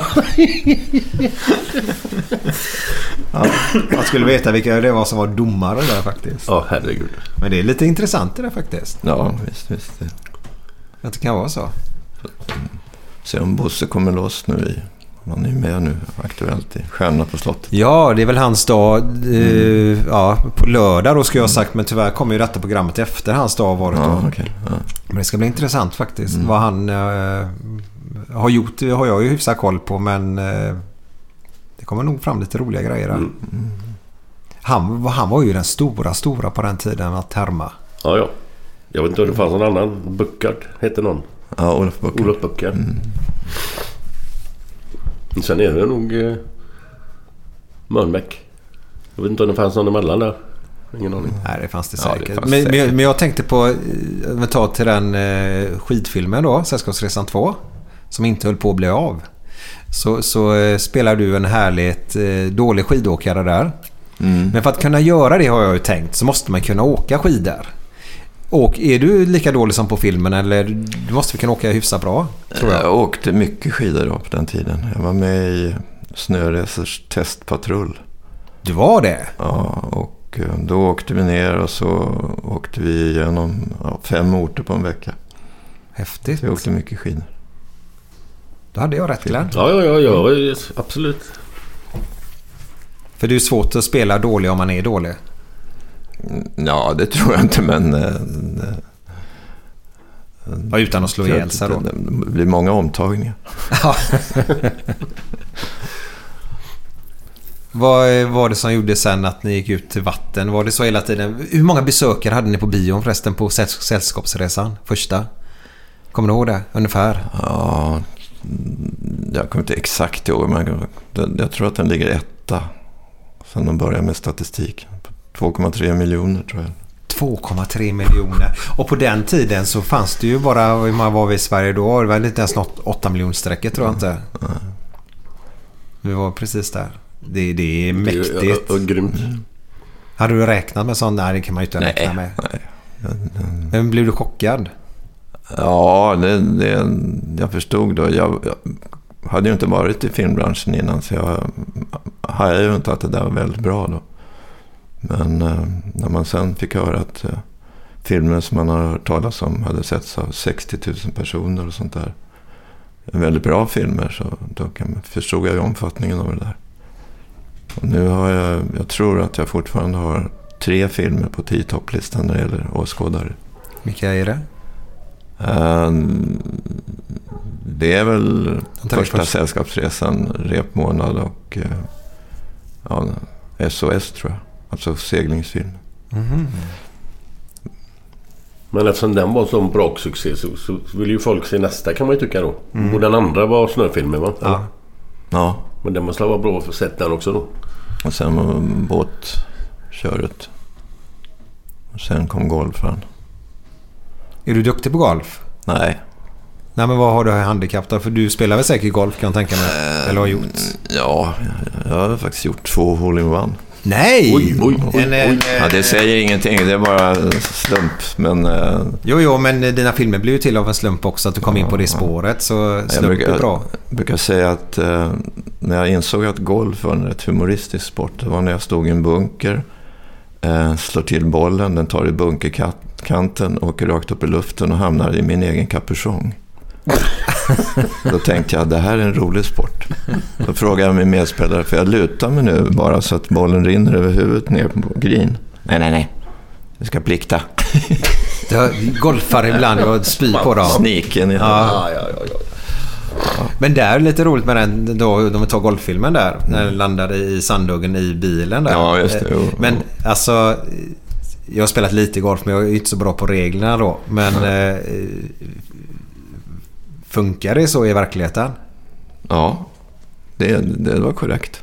Då borde du ju kunna gått med din, din jacka där bort till, till koppen nästan väl? Eller du är inget eh, fordon kanske då? Ja, nej, det, jag, så långt hann jag inte i regelboken. Nej. Boll i kapuschong. det måste ju finnas! Ja, ja, ja säkert. Men de har ju do, domare med på de stora tävlingarna som avgör sånt här. Men, men du, var det, var det du som kom på det här uttrycket till eh, Roland Jansson? När han bad alla kärringar flyga och fara. Ja, det, det, var, Måtte djävulen ta alla fruntimmer. ja, det var skrivet. Det, det, det mesta är ju skrivet i manus. För det där är ju ett... de- En av de mest klassiska uttrycken i i hela filmhistorien. Ja men som, som man Törs man inte säga nu när... Nej, inte nu i metoo-tiden. Men det är fortfarande grymt roligt. Det flyger ut ganska ofta ur min mun ändå faktiskt. Men man kan göra det humoristiskt också. Ja, jo. Fattar man inte det som kvinna så... eh, Nej, nej. Det är klart det är humor. Alltså det. Men sen där när de filmerna har gjorts där och så om vi tar... eh, Så, du hade eh, jag vet, här hälsoresan också. Mm. Eh, Men så har vi eh, Stig-Helmers Story. Eller vad är den heter Glenn? Ja. Ja. The Stig-Helmer Story. Ja. Jag försökte då eh, göra lite annan typ av film där jag uppfann en barndom åt Stig-Helmer. Mm. Och Det var ju, jag har ju skrivit lite böcker i det ämnet. En, en bok som heter Två lösa bojor, Rekordmagasinet. Och en som heter Lasse Liten. Så att jag hade pluggat det lite så tänkte jag att det var kul att göra film på det också. Någon liten sån här Asperger-typ. som Stig-Helmer är då som pluggar tågtider. Ja, det är underbart. Ja. Den scenen. Och hela, få med hela södern och hela det gamla och synden då att man inte skulle ut och dansa och ha rolighet. Och det, det var mycket 50-tal där va? Ja, jag, jag gick ju på Nalen så det var ju kärt återseende att återskapa det. Men hur, hur mycket var det du som, som var med i filmen om du gick på Nalen själv som du säger? Eller är det bara Stig-Helmer där eller är det något eget? Eller hur var du när du var på Nalen på din tid? Ja, jag, folk frågar ofta, är du lik Stig-Helmer? Det kan jag inte annat än säga att jag utseendemässigt är rätt lik honom. Men sen är ju han en, en, en troskyldigare och rarare person än vad jag är. Jag är väl lite mer förslagen än vad Stig-Helmer är. Och Stig-Helmer är ju, om man ska hårdra det, så är han ju ett verktyg som jag använder. Han ska ju inte ha varit med om en sällskapsresa. Han ska ju aldrig ha spelat golf. Och han ska ju inte kunna åka skidor för att kunna använda honom då. Att, eh, och eh, här försökte jag ju ge lite barndom åt honom i senaste filmen.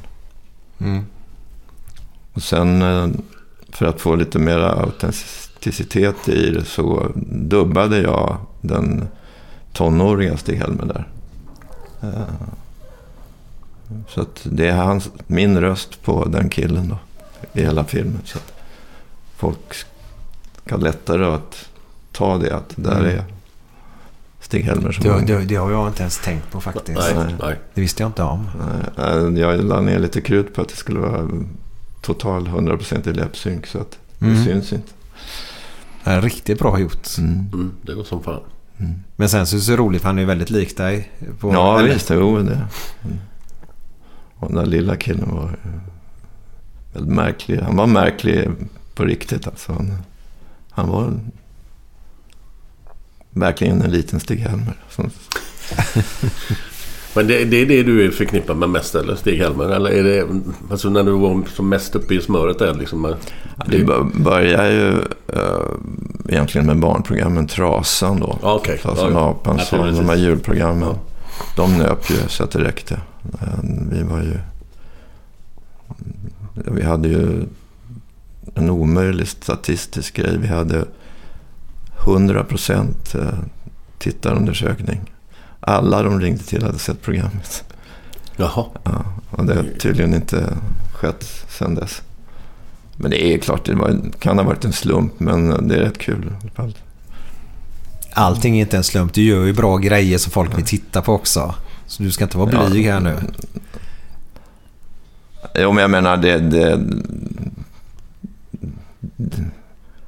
man ringer till, eh, gör en sån här publikundersökning och att alla har sett det kan ju vara så att det är en slump. Va? Jo, självklart. Men det är ju kul att se att det kan bli så pass bra musik ändå. Liksom. Man, man tror ju inte det. När, när man hör, "Jaha, ska de köra nu? Okej. Och så blir det jävligt bra. För det var ju bra låtar alltså. Inte för jag kommer ihåg vad de hette allihop men... Det är bra musik. Man, man gungar ju med liksom. Det är kul. Miami Maja. Ja. ja. I första programmen, serien som då tyvärr stektes, som det heter på fackspråk. Det, det vill säga, de här tretumsbanden var ju väldigt dyra, så man återanvände dem. Och då la man dem på en magnetplatta och så tog man bort programmen på dem och kunde spela in nya program på dem. Ja. Och då var det en, en kille som satt och halvsov, en byråkrat, och gjorde en kråka i fel kolumn. Så att då eh, tog de bort, eh, avmagnetiserade första serien. Och då fick vi göra en till serie då. Och med, blev sponsrad av Trafiksäkerhetsverket. Skulle lära ungarna lite trafikvett då. Och då hittade jag på den här figuren Olyckan. Som skrämde livet ur alla ungar. Ted Olyckan. Ted Åström var så fantastisk där. Ja. Jag var ju bjuden på eh, en lunch på riksdagen. Och eh, det var några år sedan. Och då kom eh, finansministern, dåvarande Anders Borg, kom fram till mig. Och, eh, det första han sa var Fan vad jag var rädd för olyckan. Jag, jag, jag, jag kommer ju ihåg honom sådär men inte exakt vad han sa och så. Men var, var det lite skrämmande? Ja, men det var ju... Ja, det, var, det var väldigt... Aggressivt. Ja, ja, ja. Ja, ja, ja. Riktigt Han gjorde det väldigt bra. Ja. Och eh, Ted han eh, har ju fått leva med det där. Alltså att, eh, han blev ju olyckan. Så att även när han... Det är ungefär som eh, Torsten Liljekrona då som... Mm. Oavsett om man spelar Hamlet så var det farbror Melker som stod med dödskallen. Ja, ja. Ja, just det. Det måste ju... Det, det måste ju ändå vara... Alltså på något sätt måste det vara... Det måste vara lite halvjobbigt att, att, att, att, att Ja, få man den, blir så liksom. låst i... Ja, att man får just till så låst på en karaktär liksom. Det måste vara... Man gör man grymroller. Fast du är fortfarande ihågkommen som Melker då eller som... Ja, precis. Det, Det måste ju vara lite störande alltså. Ja, det är en risk naturligtvis. Men samtidigt är det ju väldigt roligt genomslag måste det vara. Ja, ja, det är klart, det är klart. Men det är samma som... Eh, Ingen Nilsson, Pippi Långstrump där. ja. Men hon har ju lidit av det. Tjorven. gått ut med. Maria. Ja, Men det var ju så när Lasse Brandeby var eh, polishövding där i någon film. Alltså det gick ju inte att ta på allvar. Ja, han var ju underbar i den ju. Jo, jo visst, men vilken, vad hette den? Vad var det? Eh, jag kan inte. Maja, hjälp oss. Vad heter den? Polisfilm. Polisfilm. Anders Lasse, Brandeby.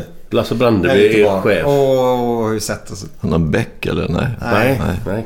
Inte Wallander, inte Beck. och Utan den, i- Inte han. eh, Ek, Eklund, Jakob Eklund. Erik Eriksson är ju med i den också. Ja, jag vet. Nej, det är Johan. Falk det. Ja, det är Falk. Irene Huss, ja. Jaha, var det det? ja.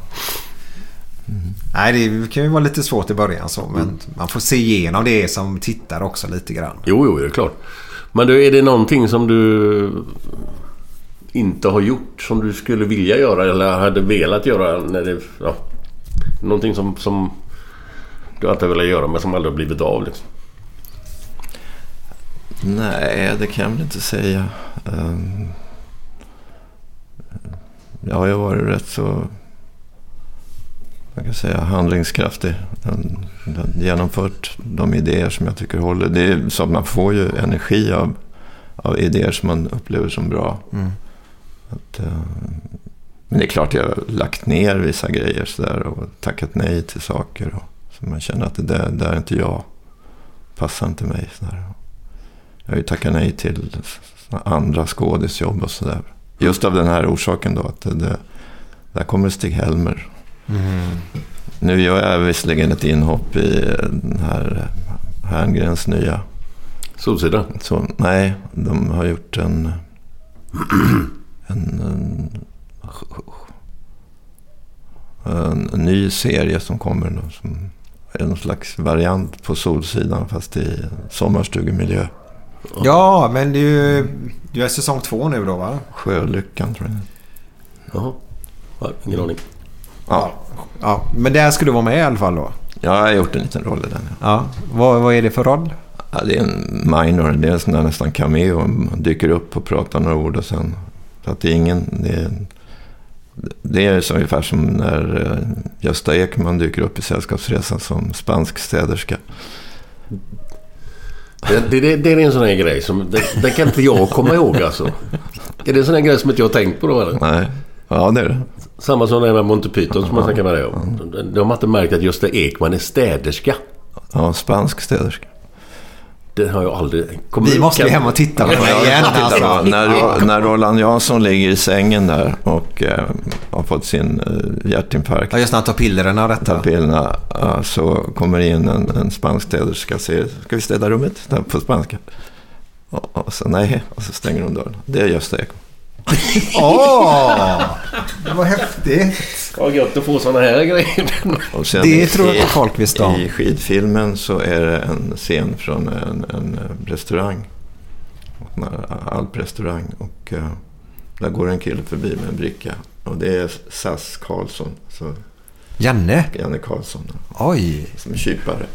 Är det en Ice Bitte? Är det den scenen? Nej, det är senare i filmen eh, på slutet. Hur kom han in i detta då? Alltså, Han, han råkade vara där nere och kände varandra så frågade jag att kan du inte hoppa in? Och, ja, bara som en grej. Där. Och Hitchcock gjorde ju bara alltid med i Ja, sina vet egna jag, filmer. jag. En liten kortis någonstans. Fåglarna tror han går ut ur affären där tror jag. Ja, det var sån ja, Fåglarna ja, Ja, Har du någon mer sån i dina filmer att berätta om? Eh, nej. För nu kommer ju folk verkligen hem Ja, och titta. du nu, ska och kolla på det. Men däremot så, så, som jag sa med Melander så är det ju en hopplocka skådisar från dels teaterskådisar och sen eh, duktiga amatörer och eh, en del eh, från fria teatrarna var vi faktiskt bland de första som tordes använda från fria prov och Mm. de teatrarna. För det var, det var så polariserat då. Och det, det var ju 70-talet föll på att klinga av och det var så politiserat. Mm. Så de, teatrarna... Eh, jag tror att de ansåg att eh, många av skådisarna att de inte ville vara med i den här typen av Mm. lättare komedier. Då, så där. Men eh, då tackade ju både Kim Andersson och, och eh, Lottie Mm. ja till den här rollen. Då. Men skulle det vara något eh, för dem då? Skulle det vara något nedköp eller att vara med som film? Eller? Nej, men det var från eh, producenternas sida också. Att eh, de tyckte att det kunde vara en viss risk att använda folk från fria teatrarna. För, för att... Ja, att det, det, man pratar mycket om vänstervridning på den Jaha, tiden. jaha. Ja, det var ju mycket så på den tiden. Mm, Men de var ju fantastiska tycker jag. Både Mm. Kim och Lottie. De, de, de är ju så lika på något sätt i filmen. Eh, Vad, vad heter hon som är, som är journalist nere på, i repmånaden? Hon, den tjejen där. Som åker runt. Hon, som intervjuar han chefen där. Den lille tjocka runde där. Och hon är väl ihop, Ja, jag eller inte ihop men hon gillar ju dig där också. Vad heter hon? Ja, nu står det.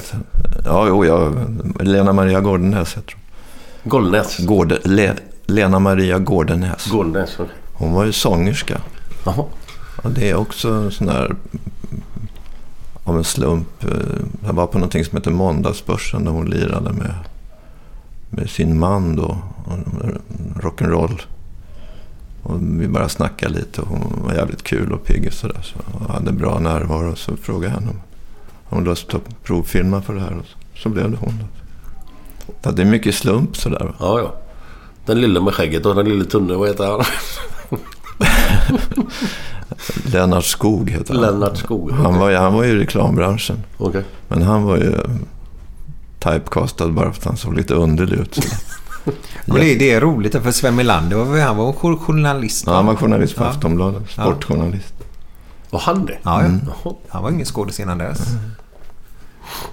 Så blev han ju då Berra. Eh, och så eh, Robban hette väl han. Och Weiron. Ja. Ja. Men han, jag har sett på någon bild han heter Robban Partille någonting mer. Jaha. Nej, det var inget som... Du, du, du sätter ju under Ja, en jag bild vet, jag på med honom där. Ja, det är möjligt att han... Men det är inget som... Eh, Men det, det,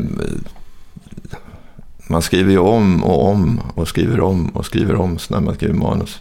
Det, det man brukar filma är ju tredje eller fjärde manuset som man brukar filma efter.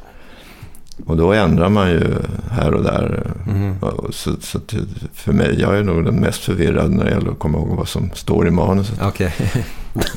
I första manuset till Sällskapsresan så hette figuren Stig Harald. ja. Men så tänkte jag, det, det har inte tillräcklig nördklang tyckte jag. Stig Harald. Nej. Och så kom jag på att jag har en morbror som heter Stig Helmer. Jaha. Stig Helmer Jansson. Det är bra.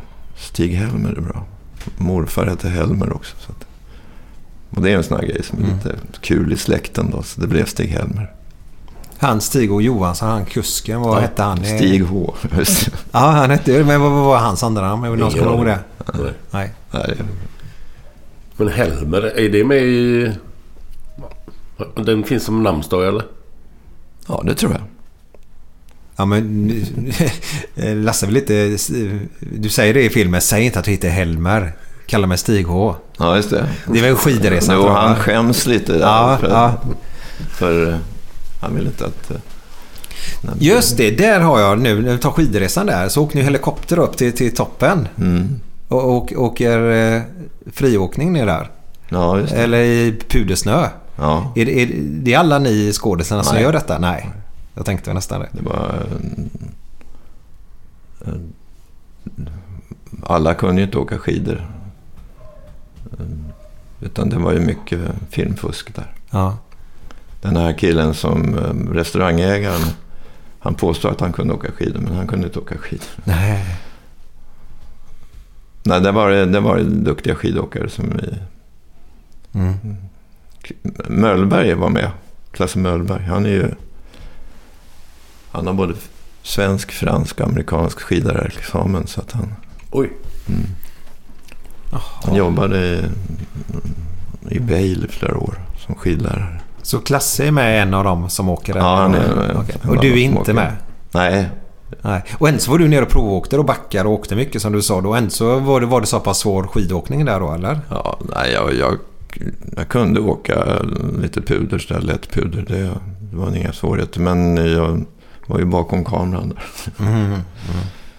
Så det kolla. För att vi, men vi flögs upp till toppen i alla fall. så Mm. Hela gänget. Och sen så... Eh, vi kom ju efter de här som åker puder så kom vi förstör deras spår. Mm. Det var däremot vi. Det var ett gäng som... Eller dåliga. Ja, ja det, det, är Man- ni, det är ni som åker som förstör det. Ja, några stycken av oss. Ja, De som kunde åka skidor. för det var, det var det, den bilden jag tänkte på där. Ja, just det. Det gällde att sabba deras perfekta åtta. Va? Ja, de hade gått upp en hel dag där. Ja. För en och så kommer kommer tokiga ett glatt gäng, lite Ja. halvfulla på gott vin. Ja, men det är ju skönt liv ju. Ja, ja, ja. ja. Det var otrolig dag vi fick där. Det var fantastiskt väder. Mm. Bra snö. Kommer du ihåg dessa inspelningar ganska väl eller hur? Ja, vi- vissa grejer kommer jag ihåg. Det var en kul inspelning. Det var ju upp med första liften, stenhård betongsnö ner till inspelningsplatsen och sen si- sista åket ner så var det sån här sorbet då. Mm. Mjuk snö, riktig benknäckarsnö. Så. Så det var kul. Där då, om vi pratar om benknäckare så tycker jag den scenen är väldigt rolig. Det är ju den när han, läkaren går ut och kollar vädret och så snöar det då. Ja, och så han bara Helga, eh, fem kilo gips idag. Så är det en kvinna som står ovanför och skakar sitt, sitt och piskar kuddar, dunkuddar, duntäcken. Den är... Det är underbar humor är det. Jag Ja. älskar sån humor. Ja, var bra. Tack. Det är, ja. Och jag, jag har ju vissa idoler när det gäller just den typen av humor. Milos Forman och Ettore Scola och Woody Allen. Så att jag, det är... Milos Forman, är det Gökbot? Nej. Ja. Det är det Men han gjorde ju, när han fortfarande bodde eh, i Tjeckoslovakien. Så gjorde han ju Det brinner min sköna, hette en film. Och det var ju sån här... eh, så var det en kille som hette Jiri Menzel också som gjorde den här typen av, av lågmäld humor. Som jag, som jag gillar också. Så att, där har jag plockat lite inspiration. Inspiration kan man ju få. Sen gäller det att kunna hitta på dem också som du har gjort så himla duktigt faktiskt. Huvudet över vattnet, vad är det för någonting? Jag läste in det någonstans. Har du gjort någonting som heter så? Nej, men däremot så... Stig-Helmer eh, kan har aldrig varit huvud, haft huvudet under vattnet för att eh, han... Nej, men den heter huvudet över fel, vattnet. Fel på öronen. Alltså, ja. Nu vet jag inte vad du pratar om. Nej, jag vet inte. För jag läste det här bara att du, av alla grejerna du hade gjort. Alltså Jaha. typ filmer och pjäser. Eller pjäser. Eller, Huvudet över vattnet var det något som stod. Då får du hem och eh, ta reda på det Glenn. Så kan du återkomma nästa Ja. avsnitt med det faktiskt. Vad, vilken film är det som du... eh, jag vet att det är svårt att säga men kan man inte ha en favoritfilm man har gjort? Ja, delar av filmer tycker jag. När det gäller att få igång filmen så tycker jag nog att seglingsfilmen är väldigt rolig och bra driv i början. Där när han ramlar ner i soppråmen och Mm. åker ut. När de är kaniner Och han ska försöka spela Ronny Hellström där och fånga den där påsen med kläder. och ramlar ner i. Bland andra massa påsar. Ja. Jag ser ju inte filmerna riktigt på samma sätt som åskådarna. Jag ser ju också hela inspelningssituationen och bakom grejen och sådär. Men det var ju spännande. Repmånad var väl, där var jag väldigt eh, skraj. Alltså det var ju första filmen och hur ska det gå och sådär. Så att, och sen var det ju inte någon direkt uppiggande miljö. Man bor på något regemente sådär. Eh, Men sen första sällskapsresan har ju, har ju blivit nostalgi då. Mm. Eh, Och kan väl sägas vara den som drev igång hela den här serien då. Att- Men när jag frågar, folk kommer fram och säger att de tycker nog bäst om den. Eh, Och sen kommer det fram vissa människor som har båtar. De tycker mest om Mm. SOS och så golfarna gillar golffilmen och så vidare. Så att, ja. Ja men det är ju igenkänningsfaktorn som vi pratade om Ja, förut där. det. Och är du golfare då så är du den du tyder till lite säkert. Hur kom du på den här juice-grejen? Vandringshistoria också. Mm. Så det, det gäller att samla ihop sånt där. Ja, ja, ja. De gjorde någon flygvärdinna som berättade för mig att det var någon som hade... Och när vi skrev den scenen eh, och när den spelades, spelades in så den bara försvann. eh, Det var ingen som tyckte att det var speciellt bra. Så där. Det- Inte bättre än någon annan scen sådär. Men sen när filmen började visas då, då gick folk igång som fan på den. Alltså den här, att han trodde att det fanns juice i ett rör. alltså den, den, den är ju så dålig egentligen. Ja. den är ju fruktansvärt. Det är därför den blir så bra på något sätt. Har du någon kontakt med han förresten? Norrmannen? Ole? Eh, ja... Eller Jon när, när, när han kommer till Stockholm sådär och när jag är i Oslo så brukar jag ta kontakt med honom. Men det är inte så att vi umgås. Det gör vi inte. Men han är ju väldigt... eh, Han var en bra, bra sidekick. Ja, det kan jag tänka mig. Han, han är, tog hand om Stig-Helmer med stor Ja. värme. Ja, för hade du fått en fel människa där jämte dig så tror jag inte det hade slagit lika mycket. Utan det är ju alla pusselbitarna på plats på något sätt som gör Ja. att det blir så lyckat. Vi var nere i, Vi träffades nere i Montreux på filmfestivalen, eller på tv-festivalen. Och hade väldigt trevligt ihop. Och, och så sa jag att kan vi inte jobba ihop någon gång? Så försökte jag få med honom i barnprogrammen då, men då var han anställd på NRK och kunde inte få ledigt. Man, han fick inte ta extra jobb. Så var det ju. Mm. Okej. Även på SVT faktiskt. Eh, Men så slutade han på NRK och då, då slog vi till och så började vi jobba ihop då. Sen var han med i några barnprogram som jag gjorde också som heter Svampen. Och, Mm. så att, eh, men eh, det här var väl den stora rollen. Det, filmen har ju gått väldigt bra i Norge också. Det är mycket, mycket beror på att han var så poppis då. Mm, mm. Det var ju den mest sedda filmen i Norge när den hade premiär. Det är ju ganska, alltså affärsmässigt så är det ganska smart att ha en, en, en från ett annat land med i en film också. Ja, som, som är känd. Så Ja. får man ju två länder som en film kan landa i ganska bra då. Ja, Så förslagna var vi väl inte utan det var ju mest... Nej, men nu efteråt kan man bra ju tänka kemi. så. Ja visst är det det. Det är ju kanon. Det är jättebra. Men har den här sens... Det är, ju- nu kan inte göra någonting om detta. Är över andra länder också på så översatt engelska eller? eller? Ja, den har gått eh, lite runt om sådär. Inte, inte så att den har varit någon större sensation men eh, framförallt i Norden. Och sen är golfaren har väl sålt till en massa länder. Mm.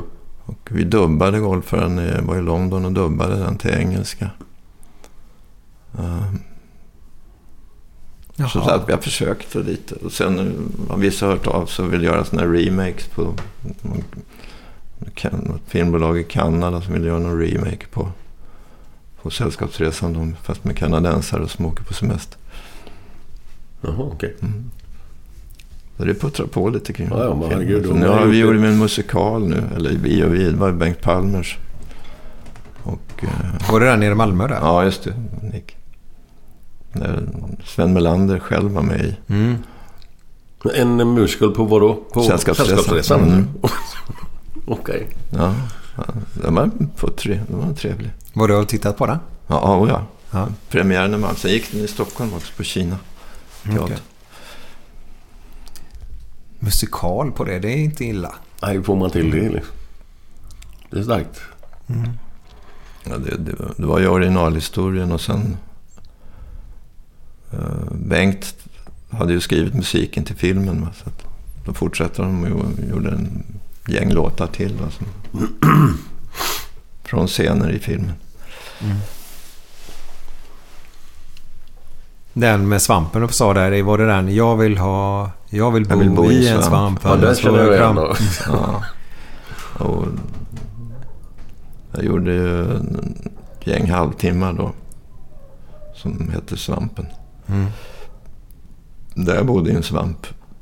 Och sen gjorde jag sketcher då med massa olika skådisar. Med Björn Skifs och Sven Melander och, och det här är rätt roligt.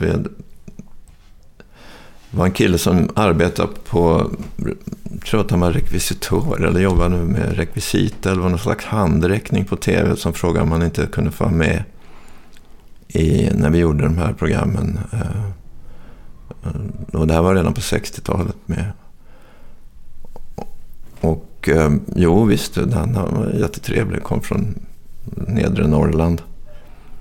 Och sen eh, gjorde jag ett barnprogram som heter Hur bär du dig åt människa? Och då fick han vara med som skådis. Och eh, sen så breakade han och eh, är rätt så stor nu. Och det var Peter Stormare. Jaha. Oj. Åh fan. Så var det så han började sin karriär kan man ju säga då. Ja, det vet jag inte. Men han var med. Han var med. Det går in på, jag vet inte om man, den finns på Öppet arkiv, men i Hur bär det åt människan så, så är han med i vissa sketcher. vad, vad, vad, vad är det den heter när ni sitter på en bänk? Nico Pulver. Nico Där har du dåliga vitsar. Ja, riktigt dåliga, men de är så Ja. dåliga som man garvar ju. Vem är den andra? Så är det... Vem är den andra då? Det är Klasse Möllberg. Ja. Är, är du Möllberg? Nej, Det är jag Möllberg. Ja. Jag kommer inte ihåg eh, riktigt. Militärklädda var de väl va? Eller Typ. Nej, bunner. Nej, nej vi var, vi Eller- var såna här lantisar. Dräng- drängar. Mm, Drängar. Satt på någon gärdsgård. Och så var det ju Och så alltid det. och så drog roliga historier. Så då kom punchlinen, då ramlade vi baklänges. Ja. Inte jag Har du inte sett den? Nej, nej, nej. Den är ju faktiskt eh, rolig. Är det här torra historier då? Det? Ja, det var jag tog de värsta jävla vitsarna jag kunde hitta. Så där. Sitter du och äter plåster? Ja, jag har fått magsår. Du vet, den typen. Ja, men sånt är Ja. skitroligt. Ja, visst är det Och så ramlar den alltid bakåt ja. Ja, så ramlade de bakåt då, som en slags klimax. Hur länge sedan var detta? Det var under Trasan Bananer-programmen. De, de, de första gick väl då 76-77. Sen gjorde vi en serie till som runt 80 där. Men det var ett inslag i, i det andra programmet? Ja, i programmet ja. Och då startade vi också Electric Banana Band. För att I första serien så köpte vi in en massa musik. Väldigt bra musik faktiskt. Vi köpte in Blondie och köpte in Sparks. Och, som vi hade som eh, Rocktime då, kallade vi det för. I programmet, lite musik. Men sen kom vi på att vi kan göra ett eget band. Så jag ringde till Schaffer då. Eh, kände honom. Frågade om han ville vara med i ett band som skulle heta Electric Banana Band. Och han nappade på det. Och när jag ringde till honom så stod han i studion med ett annat gäng killar och musiker. Och så frågade han dem, eh, vill ni vara med också? Ja, det ville de då. Så, att- och det var Pelle Lindvall och Tommy Kassemar och, och eh, några till. Frågade, kan ni tänka er att sätta på er djurkostymer? Ja, för tusan. Så blev det Electric Banana Band och nu, nu har vi hållit på i 37 år. Det är sanslöst. Mm. Ja, det är fantastiskt. Vilken är den största hitsen ni har med då? Det är väl Maja Pirayan, eh, Svampen, eh, kan man väl säga. Mm. Eh, tror jag. Det är ingen av dem som var på Svensktoppen och så eller? Nej, men däremot så har vi legat på topplistor så här. Eh, etta. Sålt dubbelplatina har vi gjort. Festival har ni väl Fyllt, varit på fyllt eller? Globen två gånger. Ja. Herregud, det är ju helt otroligt. Sweden Rock var Ja. 30 000 personer för två år sedan. Sjung Maja med Maja. 30 000 ja, och så gör man väl så också ja. Ja, det är det, det, är den där ja. ja. Ja, det är... Så vilken allkonstnär du är. Tack så du. Du, du sa Sparks. Kommer du ihåg Sparks? Var det inte de som gjorde den här... Eh, vänta lite, säg inget nu. Eh, eh, fan, jag hade det förut. Eh, Någon låt eller? ja. This town is This town is not big enough both of us. for the both of us. Ja, så heter den. Så var det. De kommer inte ihåg va? Eller? Nej, nej, jag har aldrig hört talas Det om. var kul. Kul musik. Vi ska ju avrunda här snart Glenn. Yes. Eh, Lasse, har du något eh, du skulle vilja tillägga? Något som, som nej, det är ju svårt att säga, men något som du känner att nej, men det här har vi inte pratat om. Nej, det kan jag inte. Ja, det jag håller på mest med nu det är ju det här museet som, Mm. som eh, tar en del tid. Och det är ju... Det börjar ju med lite Göteborgsanknytning faktiskt. Oj, kan du berätta? Mm. Jag träffade en journalist på GP som, heter Sture Hegerfors. Mm. Ja, ja, ja, ja. Och han är då ständig president i Svenska serieakademin. Och vi, han skulle göra ett jobb på mig i något sammanhang och eh, om det var något tv eller någonting sånt där. Och sen så började vi prata och så visade det sig att han hade på sin kammare en massa serieoriginal av de stora serietecknarna. Och jag hade samlat på konst med serieanknytning. Så sa vi, vi slår ihop de här samlingarna. Eh, och försöker få något ställe att visa det på. Och då tog vi kontakt med Sune Nordgren nere på Malmö konsthall. Och han nappade på det här så att eh, 92, eh, eh 91 tror jag, så hade, en, då döpte vi utställningen till seriekopplingar som är en elektrisk term. Seriekopplingar? Ja, just det. Och hade den premiär då på Malmö konsthall. Och sen vandrade den runt på över 40 olika länsmuseer och konsthallar den här utställningen. Från Luleå ner till Ystad. Men eh, min dröm var då att få ett permanent hem för den här. Eh, och då i den vevan så fick jag tag på en, en rätt aktiv kulturchef här i Bålsta som åkte runt. Så åkte vi runt och tittade på tänkbara lokaler för den här samlingen. Och då åkte vi förbi den här laggården och så sa han här, det här ska rivas så ska vi bygga hus. Och sa jag kan inte jag få köpa den här laggården och, och försöka göra det här projektet då, Åbergs museum. För att leksakerna som står där inne, de var faktiskt på Liseberg i, i fem år. Jaha. Och hette då Åbergs museum. Mm. Men Till vänster om stora scenen var det en lokal då. Mm. Om ni står och tittar på. Jag vet inte vad de har där nu men. Det är väl där de har de här fiske... Ja. Eller? Bland annat. För barn. Väldigt små barn. Så 2002 så stod det här museet klart. Och, så att vi har hållit på nu 15, snart, snart 16 år med det här. Och det är ju har varit väldigt spännande. Det har varit en folkhögskola för mig. Jag har lärt mig väldigt mycket om serier. Jag har lärt mig mycket om konst. Guidar här. Och, eh, det har varit ett kul projekt. Men är du här varje dag eller? Ja, i, stort sett. När jag är, inte har annat att göra så tar jag den här promenaden upp och kollar läget där. Sen tycker folk att det är kul om jag är här också. Ja, det är klart. Skriver på lite kort och Mm. autografer och se- alla dessa selfies. Även du är utsatt för. Det är, det är helt otroligt. det är makalöst. Eh, och då öppnar ni klockan 11 på dagarna? 11 till 4 kör Mm. Och är man göteborgare så går det bra att bila upp och bila ner samma dag. För det har ju vi gjort idag Glenn. Ja, det gick ju smidigt. Ja, fyra och en halv timme tog det upp hit. Ja, det var inte alls farligt. Nej. Nej. Och så en restaurang också i, i, i museet. Och en trevåningars trasankoja. Mm. Där var vi inne och klättrade förut. Ja.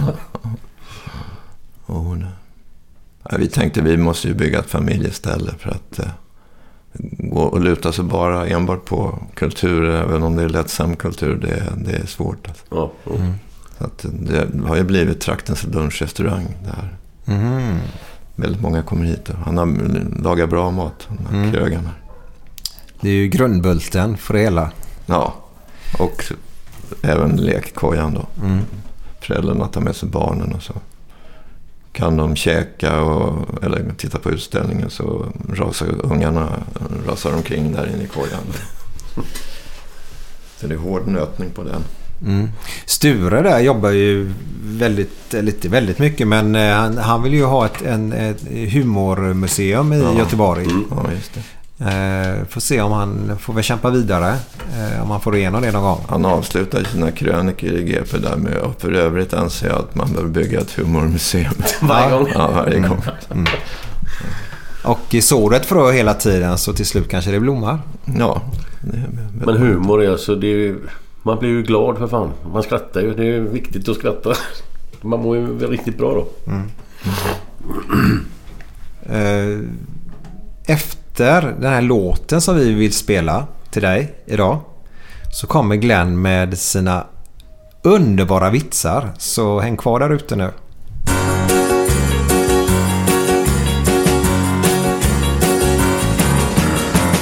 Leende guldbruna ögon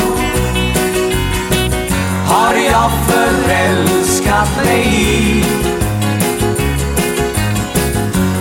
Just dina guldbruna ögon.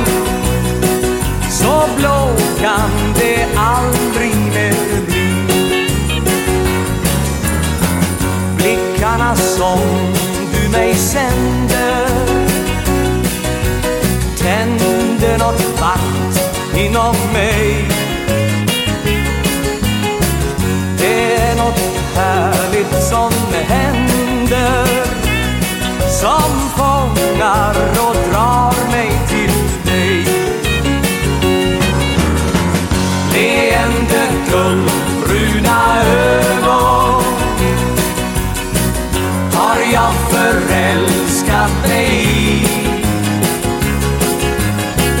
Just dina guldbruna ögon. Så blå kan det aldrig mer bli. Ögon som lockar och leker.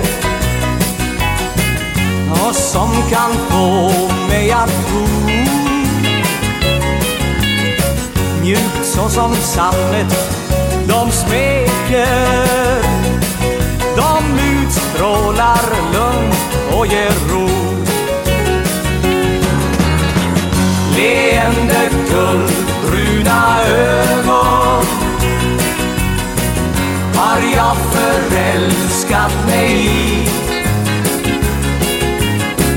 Just dina guldbruna ögon.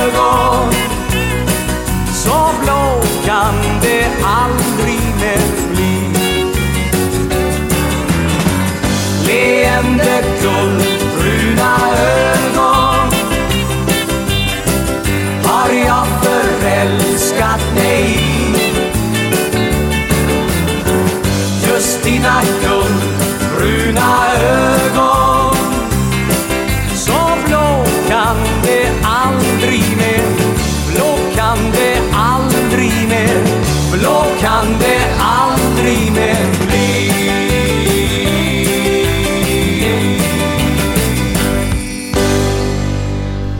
Jo, det var så här att det var en sån här healare eller vad kallar man dem? Hellbergare, vad kallas de? Sån här som ska läka, eh, ja, vad man är. Helbrägdagörare. Ja, exakt. Eller healer som det heter då. Kom till en liten stad i Sverige. Och eh, så var det då två kompisar. En som heter Rune och en som heter Lennart. Och Rune hade klumpfot. Och Lennart pratade i näsan så här. Och så kom de in i det här tältet då som de har slagit upp och så kom han fram gubben och så sa han Ja Rune, vad har du problem? Ja, jag har klumpfot sa han. Ja, gå in och ställ dig där. Ta med dig kryckorna och så ställ dig där inne. Och Lennart då. Ja, kom med Lennart. Vad är det problem med dig? Ja, jag pratar i näsan så här. Ja, kom med så ska vi fixa det. Så, så hoppade han in i ett, ett bås. Så gick han in till den första gubben där. Så sa han Rune! Släng dina kryckor. Så gick han till, eh, till Lennart. Så sa han Lennart! Säg något! Rune har ramlat! Ja. Ja, så kan det vara. Hade du någon emellan där? Ja. Någon sån där god? Någon god? Jag ska fundera lite på det. Annars kan du hålla... Jag har en annan här. Vilken var det? Ja. Det en- Han har så mycket papper. Jo, det var så här. Det var... Jag var inne på en bank så kom det in bankrånare och sa ner på golvet. Så hotade han allihop liksom. Ner, slänger på golvet. Och alla gick slängde sig på golvet utan en gubbe. En äldre herre då. Jag sa till honom släng dig på golvet. Och och han stod kvar liksom. Och sa att jag slänger mig inte på något golv. Jag är civilagent. Så säger hans fru som ligger nere på golvet och skakar. "Du- Lennart, du är inte, du är inte civilagent. Du är senildement. Amen. Ja, nu måste jag kontra med någon. Jag hade en hemsk dröm i natt. Jag drömde att jag var på en ö tillsammans med Fröken Italien och Miss World. Men det, var- det är väl ingen hemsk dröm? Det är väl alldeles underbart? Nej, men jag drömde att jag själv var Miss England.